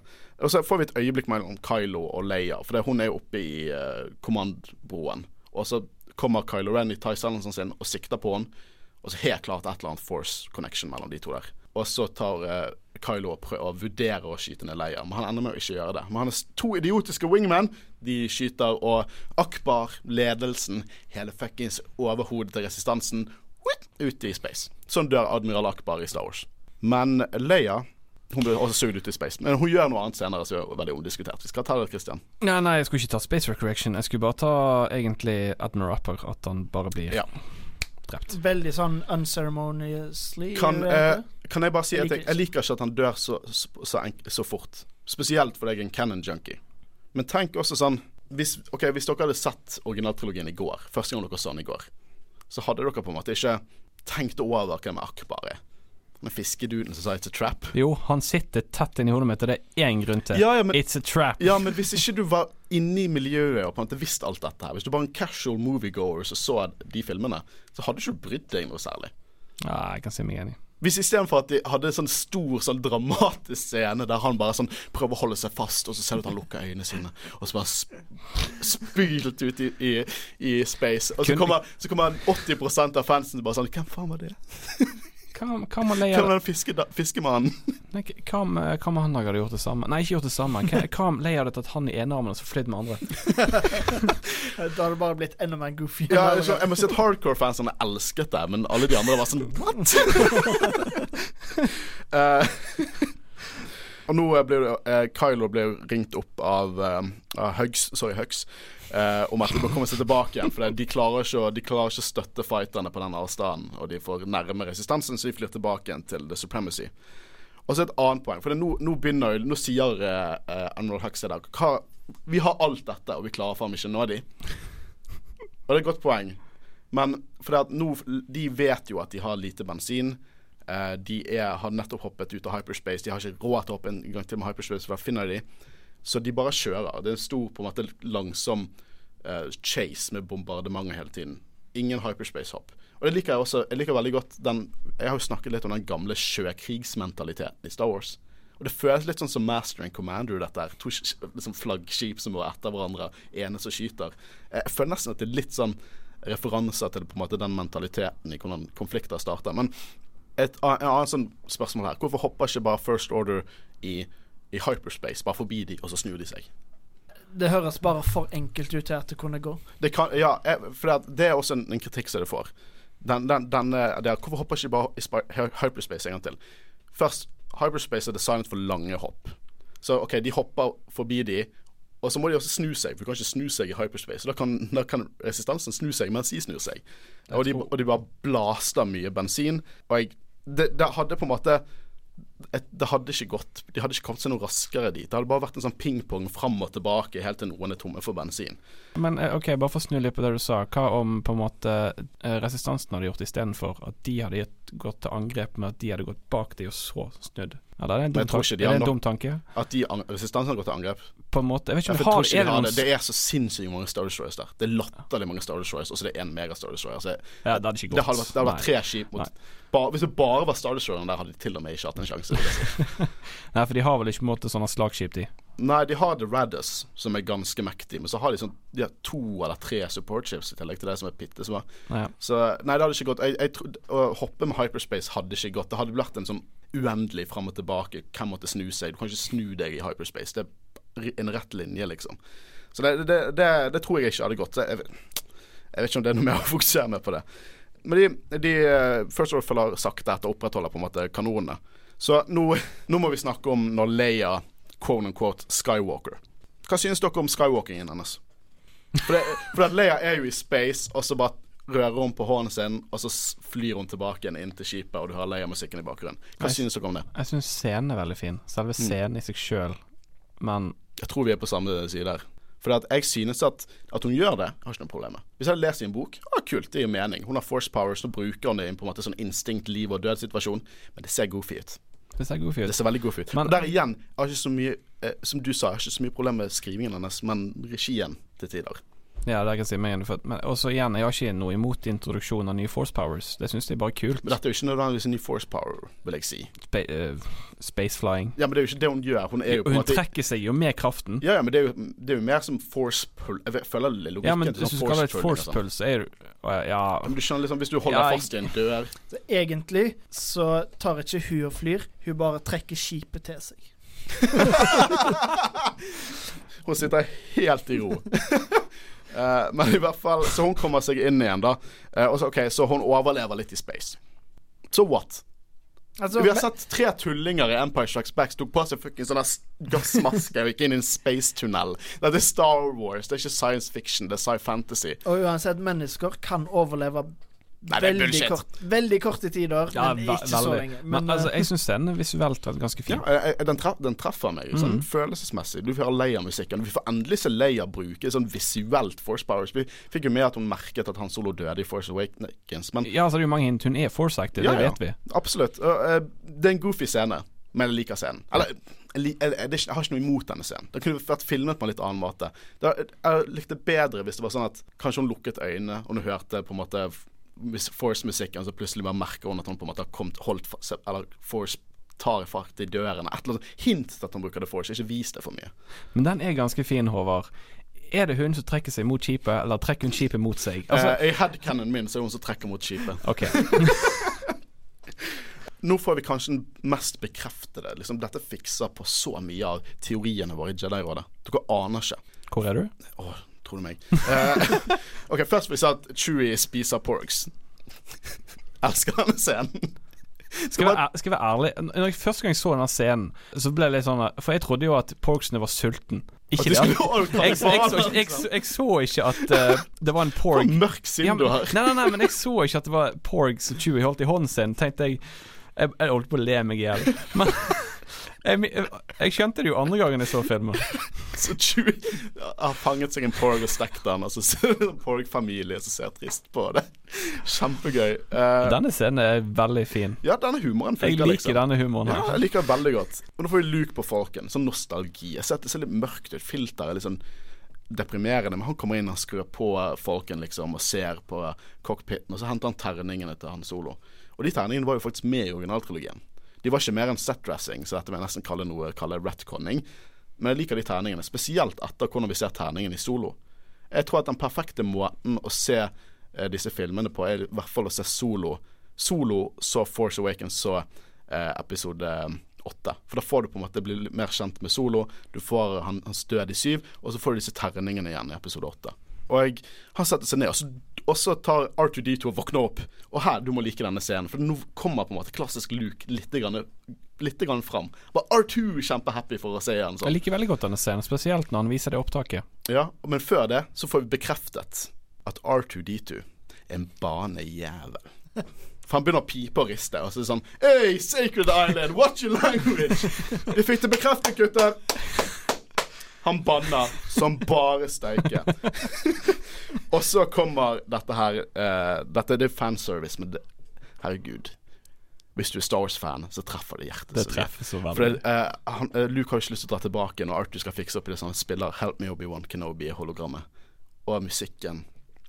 Og Luke som sier sånn 'That's a cheap trick'. Og så snur Arthur de to seg sånn Og jeg elsker den jævel. Litt synd han er ikke så mye med. Jeg håper han er litt mer med i Rise of Skywalker. Jeg savner Arthur. Så Luke bestemmer seg nå for å liksom, trene Ray for å basically understreke hvorfor jedien må ta slutt. Nå kommer vi til et nytt tema. Har dere mer å si om liksom, hologrammet og denne scenen? Veldig, veldig koselig scene, og eh, det er veldig bra plot-poeng òg for å få Luke videre til å liksom innse at han kan Mm. hjelpe. Så er vel en av mine favorittscener i filmen. Ja, det vil jeg si. Det er en annen eh, scene, scene med en viss eh, grønn liten muppet som uh, treffer meg litt, hard, litt mer enn den scenen, men uh, ja. men det er en fin scene. Og nå kommer vi tilbake igjen til, til et møte med resistansen. Vi må finne ut hvor kommandoen skal gå. Og jeg tror alltid at Pole nesten forventer at han skal få ledelsen. For han sitter litt sånn og bare Å, kommandoen går til, sitter på og bare sånn Ja, nå kommer det. Å, nå er vi der. Og så går det til Vice Admiral Emlyn Holdo. Who the fuck is that? Det er en gammel venninne av eh, Leia. Eh, de har, har, Leia har vært mentoren hennes i sin ung alder, på en måte, når de var på en måte politisk aktive begge to. og sånne ting. Så hun ser veldig opp til Leia. Eh, og Leia respekterer henne veldig. Og Det, er formidlet at det er 400 mennesker igjen på, i resistansen. Det er 400 mennesker. Nothing. Det er ikke en Star Destroyer engang. Måtte man dø? Ja Det antar jeg, ja. Av old age, tror jeg. Ja, hun var ganske gammel i episode seks. Jeg tror hun er død av old age. Nå, nå begynner de å på en måte si at ok, de er bare de igjen, men de forventer at eh, folk rundt i galaksen som i dette øyeblikket sikkert blir erobret av The First Order, vil komme til deres cause. Som er litt sånn De håper mye her. De har ikke konkrete beviser, men de sier vel hva som må bli sagt for å på en måte gi håp til de soldatene som er igjen. Og jeg, liker den worldbuildingen, da. For det Pose Poe sier sånn her Oh, the battle of Chiron Belt, uh, Holdo. Hva Chiron Belt? Det er, old, det er old school Star Wars. De bare sier random shit vi ikke vet noe om. Så sikkert kommer en bok om eller tegneserie senere. Og så sitter han der eh, alien-kompisen ved siden av Poe og sier bare sånn Poe.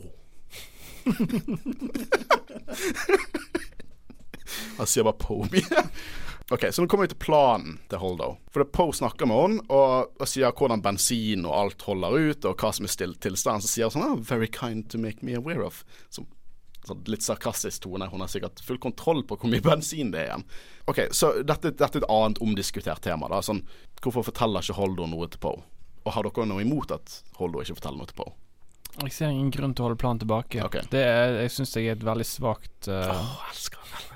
Jeg er så glad i deg, Kristian. Du sitter og spør de riktige spørsmålene. Det er et veldig svakt punkt i filmen, syns jeg. Ja! Og uh, dette har jeg og Håkon snakket om uh, tidligere. Uh, Kan du si hva som står i dine notater?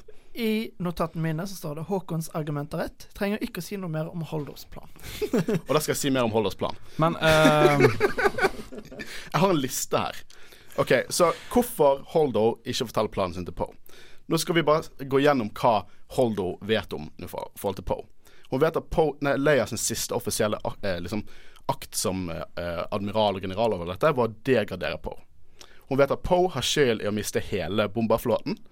Hun vet at han er en person som har vist at han ikke følger ordre, som vist tidligere i filmen. Og de vet at First Order har tilsynelatende på magisk vis funnet det gjennom hyperspace. Så denne ustabile personen er den eneste som løper opp og spør veldig sånn hva er planen? Han lukter sabotør på lang avstand. Og i best case scenario, hvis han ikke er på en måte allerede er en skurk i hennes øyne, så er han en impulsiv, trigger-happy flyboy som tror han vet bedre enn alle, inkludert sin overkommandør. Han er altså farlig. Planer ble delt med han før han tok sin egen retning. Sist og ikke minst, og jeg syns ikke dette er en legitim eh, argument sjøl, jeg bare sier det fordi at Star Wars er ikke real world. Men sist og ikke minst, en admiral trenger aldri å forklare seg til en kaptein. Uansett. Men de andre argumentene syns jeg er mye bedre. Men å eh, forklare planen er jo noe som bør være ganske Til en som for, all, Nei, for alt okay, men- hun vet kan være en spion. Sier hun Hva med å si planen til andre, da? Det er ingen, andre som, det er ingen andre som har sportplanen. De andre følger ordrene til hennes. De bare følger ordren. Det er ikke normalt å Vi vet jo ikke om hun har sagt planen til de andre. Ja, vi vet bare- vi vet følger bare- bare vi- fra vi følger- Poe Poe sitt, er eh, en eh, vindu til publikum, og Poe er langt ifra en perfekt karakter. Det er han som spør om planen, det er han som ikke får vite planen. Ja, men hun bygger på en måte opp til et forræderi. Ja, det, filmen vil helt klart tro at Vi skal tro at det er hun som er bad guyen her. Men nå snakker vi om hva hennes motivasjoner er. Ja, men jeg ser fremdeles ingen Altså, greit, han er en loose gun, men hvorfor ikke forklare planen til hele resistansen? Hvorfor ikke forklare hva planen er når de sitter der? For det, de, for det, det jeg nettopp sa, de vet at eh, First Order har fått Ja, de ut. Hun vil tror jo ikke at vi har en spion, det må være Poe. Hun kan for alt det tro at noen fra First Order er om bord på skipet. Hvordan i helvete skal de ha funnet oss gjennom hyperspace hvis ingen har fortalt de lokasjonen til dem? Men jeg føler at risikoen er større for at noe ble, skjer hvis hun hadde sagt planen, enn hvis hun ikke hadde sagt planen. Hvis hun hadde sagt planen, så hadde jo helt klart det Og hun tror at First Order har ører der, så hadde jo det vært mye mer risikabelt. For alt hun vet, så er det en spion om bord på det skipet. Og det er mest sannsynlig noen som på en måte er klar over hvor Som er oppe i control-tårnet, eller har høyere rang i dette her. Liksom en vanlig ingeniør nede på tredje dekk kommer ikke til å si sånn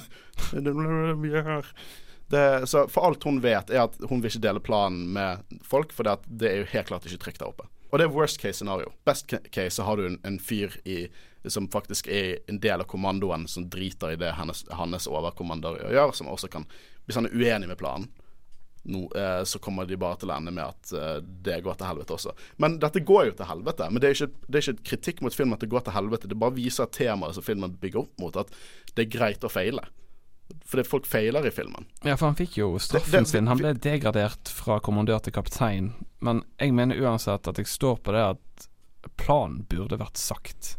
Jeg syns Hvis du er, jeg i- hvis du er i militæret og du skal på en aksjon, planen blir lagt ut til deg. Ja, men det, nå er det ikke sikkert at hun hadde en plan engang. På det tidspunktet er det ikke sikkert at hun hadde en plan. Det har jeg Jeg elsker disse stille Disse stille Men OK. Jeg vil tro hun hadde i alle fall en tanke om en plan. Hun har sikkert en tanke om en plan. Ja. Um, Altså Planen kom jo etter hvert. Så holder planen skjult, holder planen skjult hele veien til planen ble ja, utført. for, for alt vi vet, så har hun, er det en plan hun vil, hun vil holde skjult fordi at alle bitene i puslespillet er ikke lagt ned ennå. Men uh, dette ender med at det blir mye dramatikk mellom uh, Poe og, og Ho- Holdo. Og jeg sier ikke at Holdo gjør nøyaktig det beste for karakterene sine ved å ikke fortelle Men jeg føler jo egentlig òg at OK, skal jeg bare si at jeg, jeg tror ikke nei, nei, dette var ikke noe ment med det vi har snakket om nå. Da vil jeg bare komme med en setning i forhold Ja, til sure. Dette er ikke noe imot, eh, motargument mot deg. Jeg bare sier at eh, jeg tror ikke Poe gjør Nei, Holdo gjør det riktige. Jeg bare sier at det hun gjør, gir mening storymessig. Det er det som er basically poenget mitt, syns jeg. At det, det som skjer her, er storymessig riktig. At hun gjør det, er jo ikke riktig i forhold til hva som skjer. Det er sånn hun fucker opp når hun gjør det. Skjønner du? Jeg mener hva du mener? Ja. Ja, ja. Men du er ikke helt enig? Men jeg er ikke enig. Ja, men det går fint. tilbake til det. Jeg for jeg nevnte jo Motma i sted. Ja. Jeg mener det at den som overtar fra Leia, burde være egentlig en karakter som vi har relasjoner med fra før av. Problemet er jo at uh, alle de døde om bord tidligere i filmen. Mm. Det var hele ledelsen. De var på broen. Ja, Ganske teit, egentlig, Ja, at alle var der. Ja, ja. det, det, det var det neste jeg skulle si, liksom. ja, jeg skjønner- at jeg eh, skjønner det er litt teit at alle døde der. At det burde vært en karakter som vi er kjent med fra før, som kanskje overlevde akkurat denne scenen Det kan jeg være enig med. Det kan jeg være helt enig med. Det kunne ikke vært Akbar. Det er jeg helt uenig med. Du kan ikke ha en karakter Nei, som heter Akbar som tar selvmord og kjører inn i et annet skip. Du kan ikke ha det! Det Det går ikke. Det var derfor jeg nevnte for eksempel Altså Jeg vet jo at Bale Organa han er jo død, men det var derfor jeg tok opp Motma, for Ja, men hun hadde jo vært sånn 1980-100 år. Ja, altså, Gonna get kom you igjen! first order. OK, Yoda var 900, jeg bare sier det. Hun er human. uh, ok, Nå får vi introdusert en ny karakter i form av Rose. Uh, bare fort, Hun er en ingeniør som jobber for Resistansen. Hun er søsteren til hun Page som døde i den bomberen. Hva syns vi om Rose? Jeg er ikke så fan av karakteren, men Veldig fan av skuespilleren. ja. Jeg er litt likeglad til karakteren. Jeg er ikke, så, jeg er ikke sånn jeg, jeg kan ikke si at Finn og Rose sine eventyr i Last, i Last Jedi er bare det, Dette er min Star Wars. Jeg, jeg liker ikke den romansen i det hele tatt. Nei, den er veldig ensidet. Jeg er veldig glad i Rose i akt én. Mm. Liksom, hun virker smart. Det er hun som på en måte får i gang tankene Mm. til at de kan eh, liksom eh, ødelegge Nå går jeg litt fram, men det at de kan eh, ødelegge trackeren og Ja. sånn. Akt to jeg, mister meg litt også. Ja. Men i hvert fall Finn han, han har jo fått funnet den trackeren. For Leia ligger i koma nå. Og hun mister den trackeren til Ray, som Finn plukket opp.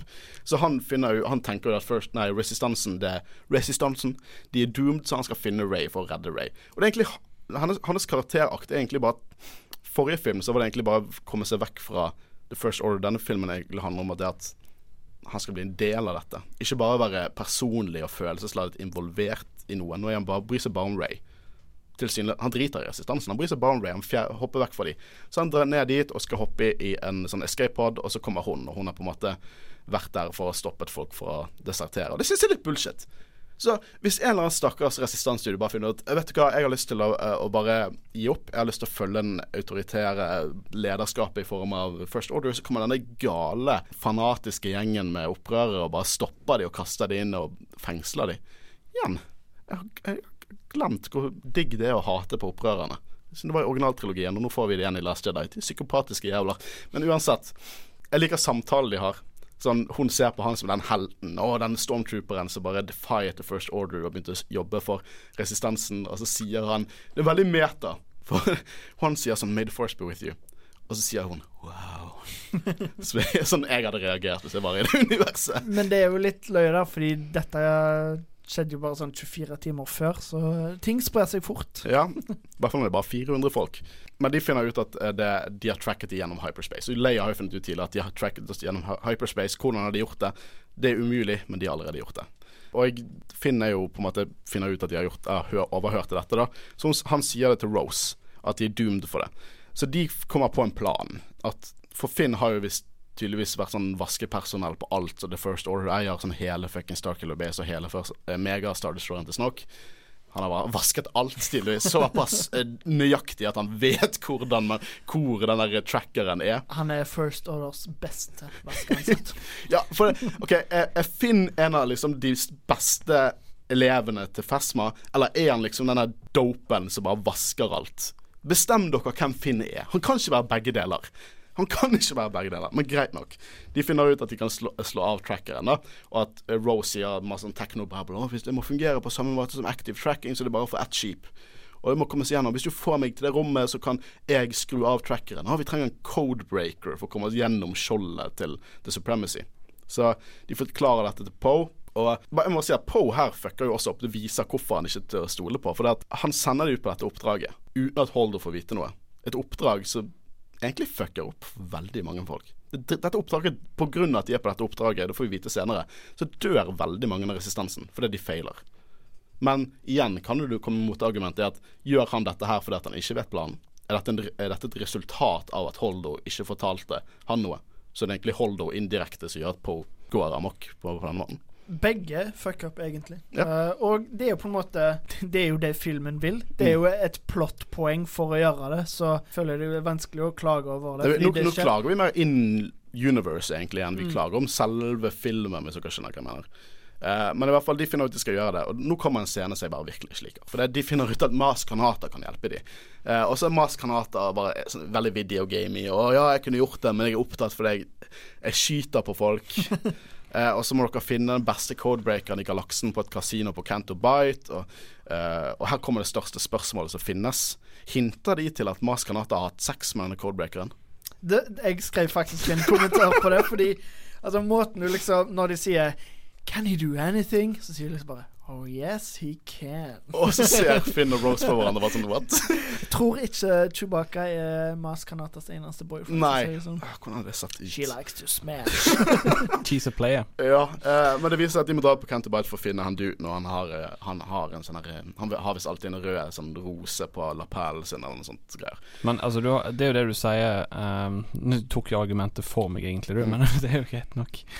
Altså, greiene her er på grunnlag av at Holdo ikke sier planen sin, som jeg mener er totalt Mm. unødvendig at hun ikke gjør det i det hele tatt. Men selve Canto Bates-scenen i seg sjøl er jo meningsløs. Det, er det, det meningsfullt i forhold til hvor karakteren sin karakterark er, men sånn, det ender jo ikke med noe godt. Men det at det ikke ender med noe godt, er jo ikke noe kritikk til filmen. Det er jo del av det som skjer i plottet, liksom. Det er jo en kritikk Det- det- til Ryan Johnson sin skriving. Det er jo ikke det at det ikke ender godt. Det vil si at alt som skjer i filmer, må ende godt. Hvorfor drar Frodo til Mount Doom? Han ender med å ikke kaste han. Så dårlig skrevet. Det er liksom det, det, karakter, Å skrive karakterer som er troverdige, som kan feile, er ikke kritikk på skriving. Det er en kritikk det er, Da forventer du en helt annen type film. Da forventer du nesten en film at alt det heltene gjør, må ende godt. Altså, jeg, Jeg har aldri skjønt den kritikken. At, Jeg er for så vidt enig med det Kristian sier. Jeg liker ikke den scenen i det hele tatt. Jeg har hata den egentlig helt siden jeg så den. Men ja, jeg liker det de ikke denne scenen, men det de gjør om det for eh, karakterutviklingen, er bare nydelig. Ja, det syns jeg også. Og at det ikke har godt en del av Det er ikke en del av det, Du kan ikke si at det er dårlig skriving. Det er bare Du er uenig med hva som skjer, og du forventer at noe annet skjer. Men det er ikke dårlig skriving, syns jeg. Jeg liker ikke denne scenen med Askanata. Eh, Jeg kan faktisk si at jeg hater denne scenen. Eh, Det føles veldig videogamey. Jeg føler at det er et sidequest i WoW, og skal de møte en dude og så trykke på en knapp, liksom. Og Maskanata føles ikke som Maskanata på Force Awakens. Nei, Det føles veldig Bare Tegn, tegnefilm eh, det føles veldig last minute. Uh, Ja, det føles som hva faen, vi må, vi må legge dette til. Jeg liker det ikke i det hele tatt. Men uh, ja, nok om det. Uh, neste scene så kommer noe av det mest Det jeg foretrekker mest i denne filmen. Det, det jeg elsker med denne filmen, er forholdet mellom helt og skurk. Det har aldri vært et så utviklet forhold mellom en helt og skurk i en Star Wars-film, syns jeg. Eh, og det er egentlig det at Ray og Kylo Ren har en connection gjennom The Force. Så det, at, det begynner med at Ray våkner opp, og hun ser Kylo Ren. Og Kylo Ren ser hun. Og Ray bare gjør det hun eh, har til. da Hun tar opp lasteren sin. Denne gangen husker hun å ta av safetyen, som hun ikke gjorde i første film. Karakterutvikling! Eh, og skyter eh, det hun tror er Kylo Ren. Og Kylo Ren merker smerte. Første foreshadowing at dette er noe mer enn bare eh, mentalt. Det er faktisk noe syke, nei, fysisk innenfor dette. Dette òg er jo en, på en måte ny Force Power, ikke sant? Eh, jeg vil si at uh, hvordan har snakket med han I, i, i eh, Empire Strikes Back så snakker jo Vader og Luke med hverandre når de er på forskjellige skip. Og Luke løfter hodet sitt bare som 'father'. Jeg føler kanskje det var noe lignende, Ja, de, de hører jo stemmene, men her har de utviklet det på en måte med at nå kan de se Eh, hverandre. det virker som de bare sånn visuelt viser at de kan se hverandre, men hvem vet om Luke kunne se Vader? Jeg bare vet at Luke sånn jeg, jeg, Det filmet litt som det bare hører stemmer. Jeg bare tror at det er inne samme ballpark, på en måte. Hvis du skjønner hva jeg mener. Ja, jeg er med. Og eh, måten uh, Altså, Kylo sier jo You're not doing this. The effort would kill you. Ja, og jeg digger det. Han er så sykt opptatt av på en måte hva som skjer. Sånn Detaljene. Bare sånn hva er dette for noe? Kan du se mine områder? For jeg kan ikke se dine. Og hun er bare sånn Å, du er skurk! Du, du har tapt! Jeg dreper deg! og så sier jo hun basically bare sånn Faen, Skywalker, bla, bla, bla. Nei, det sier hun senere. Men han bare Han vil jo at hun, han tror jo hun er der først. Og bare, You will bring Luke Skywalker to me. Og så finner de ut at det bare er inni hodet deres. Nå må jeg bare stille et spørsmål, i og med at Snoke manipulerte veldig til dette, gjorde ikke Mm. det? Ser Luke både Kylo og Ray i Ikke det det- tilfellet? ikke dette Nei, ikke i dette tilfellet, men i det Men øyeblikket senere han gjør det. Ja, ja, ja. Ok, så det er åpent for flere? Ja, det, det, er sånn, det, det er litt sånn er en sånn Skype-chat, liksom. Ok, er- connecting. det, det er mer som en sånn uh, Starcraft-kamp, så vil du ha en som er sånn uh, spectator. Det er liksom sånn um, force dialing. Let, let's style Rilo. Oh, he, he, Det er det som er så forfriskende liksom, med å diskutere force powers, for du har liksom ingen svar. hun er liksom i en chat med Kylo. Kan jeg bare hoppe rett inn i den chatten der? Ja, ja, hopp inn. Nå får vi se caretakers. Ja. Italienske nonner. Ja, de er så Jeg digger den ene steinen når steinen faller. ja, ja, senere. I hvert fall dette Caretakers er aliens som bor på øyen, som egentlig opprettholdt i Jedi-tempelet i alle år. Og Ray driver og skyter gjennom vegger der, så de er frustrert på Frustrert på, på henne. Det, det praktiske effekter. Det er litt prequel-esk, syns jeg. For det er helt klart sånn italienske. De sånn Knipser med fingrene og sånn. Og da går Luke og Ray opp i en hule. Kanskje et gammelt tempelrom eller noe sånt. For du har, du har et sånt basseng i midten der det drypper vann nedi. Og i det så ser du en person. Jeg husker mange spekulerte om det var Snoke, for det lignet litt på Snoke. Det er ikke Snoke. Eh, men det er sånn yin-yang-symboler som helt klart representerer liksom balansen mellom dark side og light side, som er litt kult. Jeg syns den verste eh, Sorry, jeg syns den verste eh, Holdt på å si uh, Hvem Snoke var med den eh, pæren i Phantom Menace. For den hadde sånn kutt i seg, og det er kutt i pannen på Snoke, så folk trodde at pæra var Men eh, fortsett. Eh, musikken har jeg lenger merke til. For det at musikken kom opp veldig sånn uh, fra Attack of the Clones. Veldig sånn Camino-esk. Jeg vet ikke om dere har merket merke til det? Nei. I hvert fall Jeg liker at de henter litt mer enn bare visuelt. Sånn små referanser, også i lyder, eh, til, eh, til prequelsen. Jeg håper å høre Duel of Fates. Jeg. jeg har lyst til å høre Duel of the Fates i Rise of Skywalker. Jeg har bare lyst til det. Men nå får vi Vi, det, vi får liksom meta her, for det er nå første læ læretimen da av Ray. Og det Rays syn på The Force er jo liksom meta. Hun bare sånn ah, det, det er en kraft som gjør at du kan kontrollere folk og uh, flytte steiner. Basically. Jeg liker det. Litt sånn metakommentar. Håkon, alt med den setningen er feil. Jeg vet det. Nydelig. For alt med den setningen er feil, sier Luke. Eh, og Luke skal på en måte Her snakker litt mer om intensjon, og litt mer sånn Han bryr seg om hva som blir sagt. Han, han, han bryr seg om The Force. Det gjør han. Mm, men han bare Det Det Jedi han ikke bryr seg om. Ja, men han har jo lukket seg sjøl utenfor kraften. Men uh, han, han på en måte Han føler at han er del av Jedi, den siste av deres religion, og han mener at de må ta slutt. Men han er fortsatt opptatt av The Force, han prøver å forklare The Force nå. For han vil at Ray skal reache out. Og så er det en scene der hun bare tar ut hårene, og så begynner han å slå på henne og sånn. Jeg føler det er veldig Mark Hamill. Jeg føler at det er bare Mark Hamill som fikk lov til å adlibbe litt. Den scenen, den er morsom. Jeg syns den er. Kjempemorsom. Sant? Og denne scenen når hun lukker øynene og ser på The Force, det er veldig lite typisk Star Wars sånn som er kuttet, men jeg syns det er veldig kult. For det, hun får se liksom ulike sider av øyen, og vi ser Porg som vi ser på en måte liv, død, ting som vokser. Så han Det er liksom det som er sagt gjennom alle filmene, at kraften er rundt og gjennom alle. Ja da, eh, og det er det de påpeker her. Liv, død som gir nytt liv, varme, kulde, fred, vold. Og mellom alt en balanse, en energi, en kraft. Jeg føler denne forklaringen er på en måte en bro mellom prequel og originaltrilogien. med det Yoda sier i Empire Strikes Back, Mm. og samtidig eh, litt på en måte litt sånn elementer fra det Ja, vi får vite i Eh, prequel-trilogien. de bygger, hele denne filmen og plottet i den filmen er veldig en eh, resultat av hvor, ting som skjedde i prequelsene.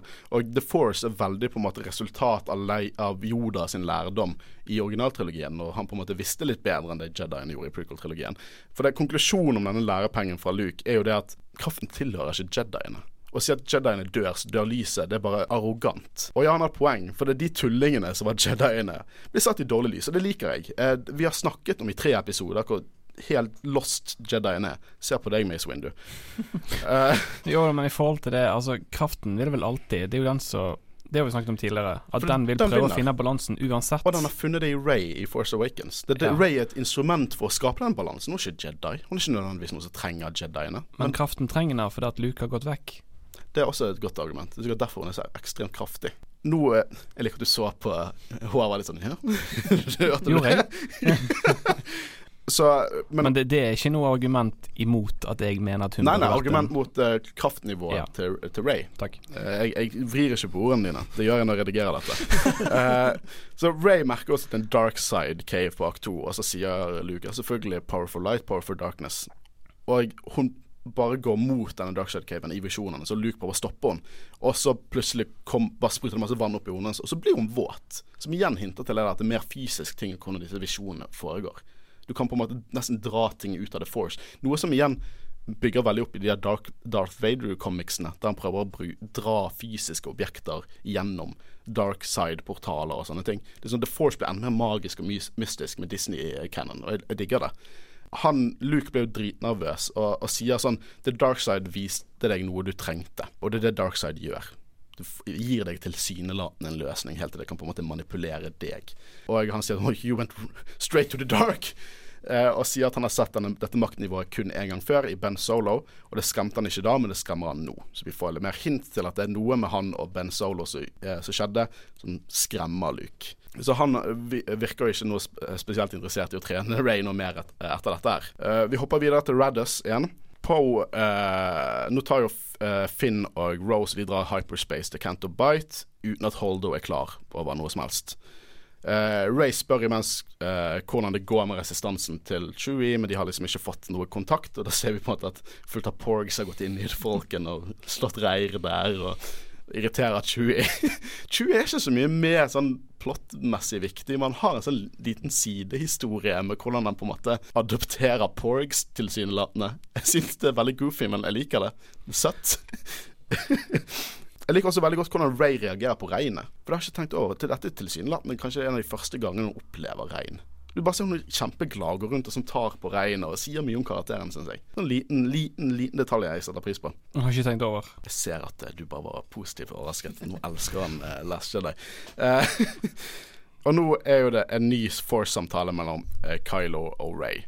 Og de, Ray Kylo er liksom veldig sånn rolig og kalkulerende, mens hun er veldig følelsesladet. Og Kylo begynner å si sånn Har han fortalt deg hva som skjedde på tempelet den dagen? Har han fortalt deg det? Begynner å hinte litt at vi får vite mer om det. Og Ray sier av. jeg har funnet Luke, og vi, dere har tapt hele pakken, og du er et monster. Og så sier Kylo jeg er et monster. Hvordan setter Snoke opp denne connection? Hvordan setter opp? Ja. Nei, det vet jeg ikke. Det, hva, er på en måte Hva er statistikken Nei, altså, til Before Ghost? Det er sånn I don't know. Jeg tror ikke noen vet det. Jeg tror ikke George Lucas vet det engang. Nei.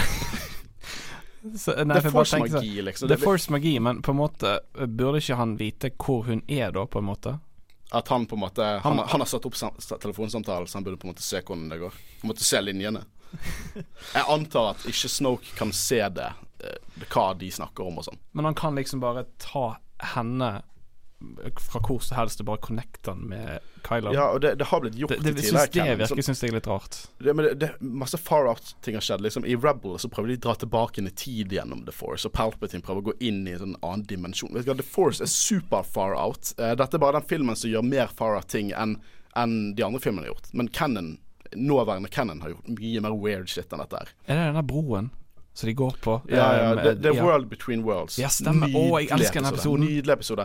Og jeg uh, Jeg er så hype på Rebels igjen. denne, denne episoden og alt det tror jeg er veldig inspirert av shit som skjer i Last Jedi. Det, det, det er mye mer mystisk ting. Jeg vet at nødvendigvis ikke nødvendigvis noe man alle kan like, men jeg liker at de tar The Force i en ny retning i denne filmen.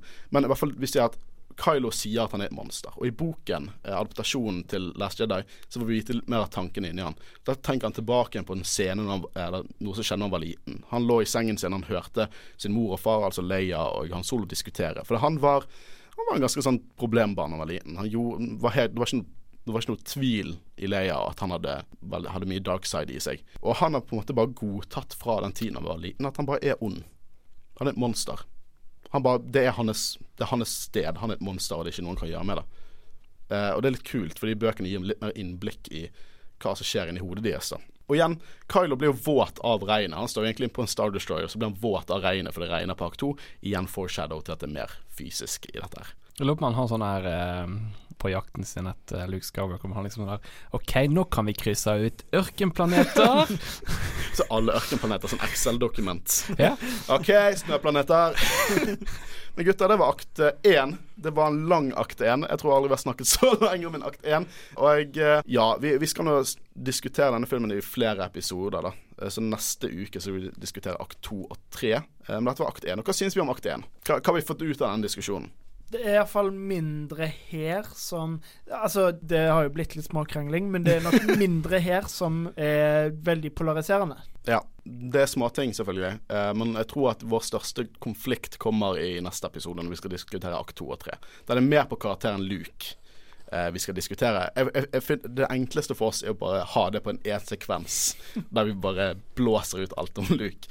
Men eh, har du fått noe annet ut ifra dette her, eller? Du, Nei, jeg står på mitt du står på ditt. Ja, men det, det er respektabelt, Christian. Det er respektabelt. Men vi snakkes med neste uke når vi skal diskutere akt to og tre. Følg oss på Instagram, Facebook. Vi er på Spotify, iTunes, der du finner din podkastplattform. Jeg har lyst til å si Podify-plattform hele tiden. Ja, og hvis du er veldig glad i film ellers, så har du et godt program som heter Kinosyndromet du kan høre på hver eneste torsdag fra 11 til 12. Det er sant. Og vi har også et, uh, et podkast som er litt, litt inspirert av altså Potter-generasjonen. De diskuterer Potter, Harry Potter istedenfor Star Wars. da De har jævlig mange fans, men de kan godt få noen andre fans også, så vi hør på de. De er også gjennom Studentradioen i Bergen og slipper sine episoder ukentlig. Mitt navn er Håkon Øren, sammen sitter jeg med. Håvarus. Og Christian. Vi har vært faen. Aspen heter han. Vent, nei, vært vent, vent, vent. Og, og Christian Aspen. Mye gøyere, som jeg sa det. Vi har vært Jedi-rådet, en Star Wars-podkast, og vi snakkes neste uke da vi skal diskutere akt 2 og 3 av Star Wars episode 8, The Last Jedi. Ha det bra. Ha det bra.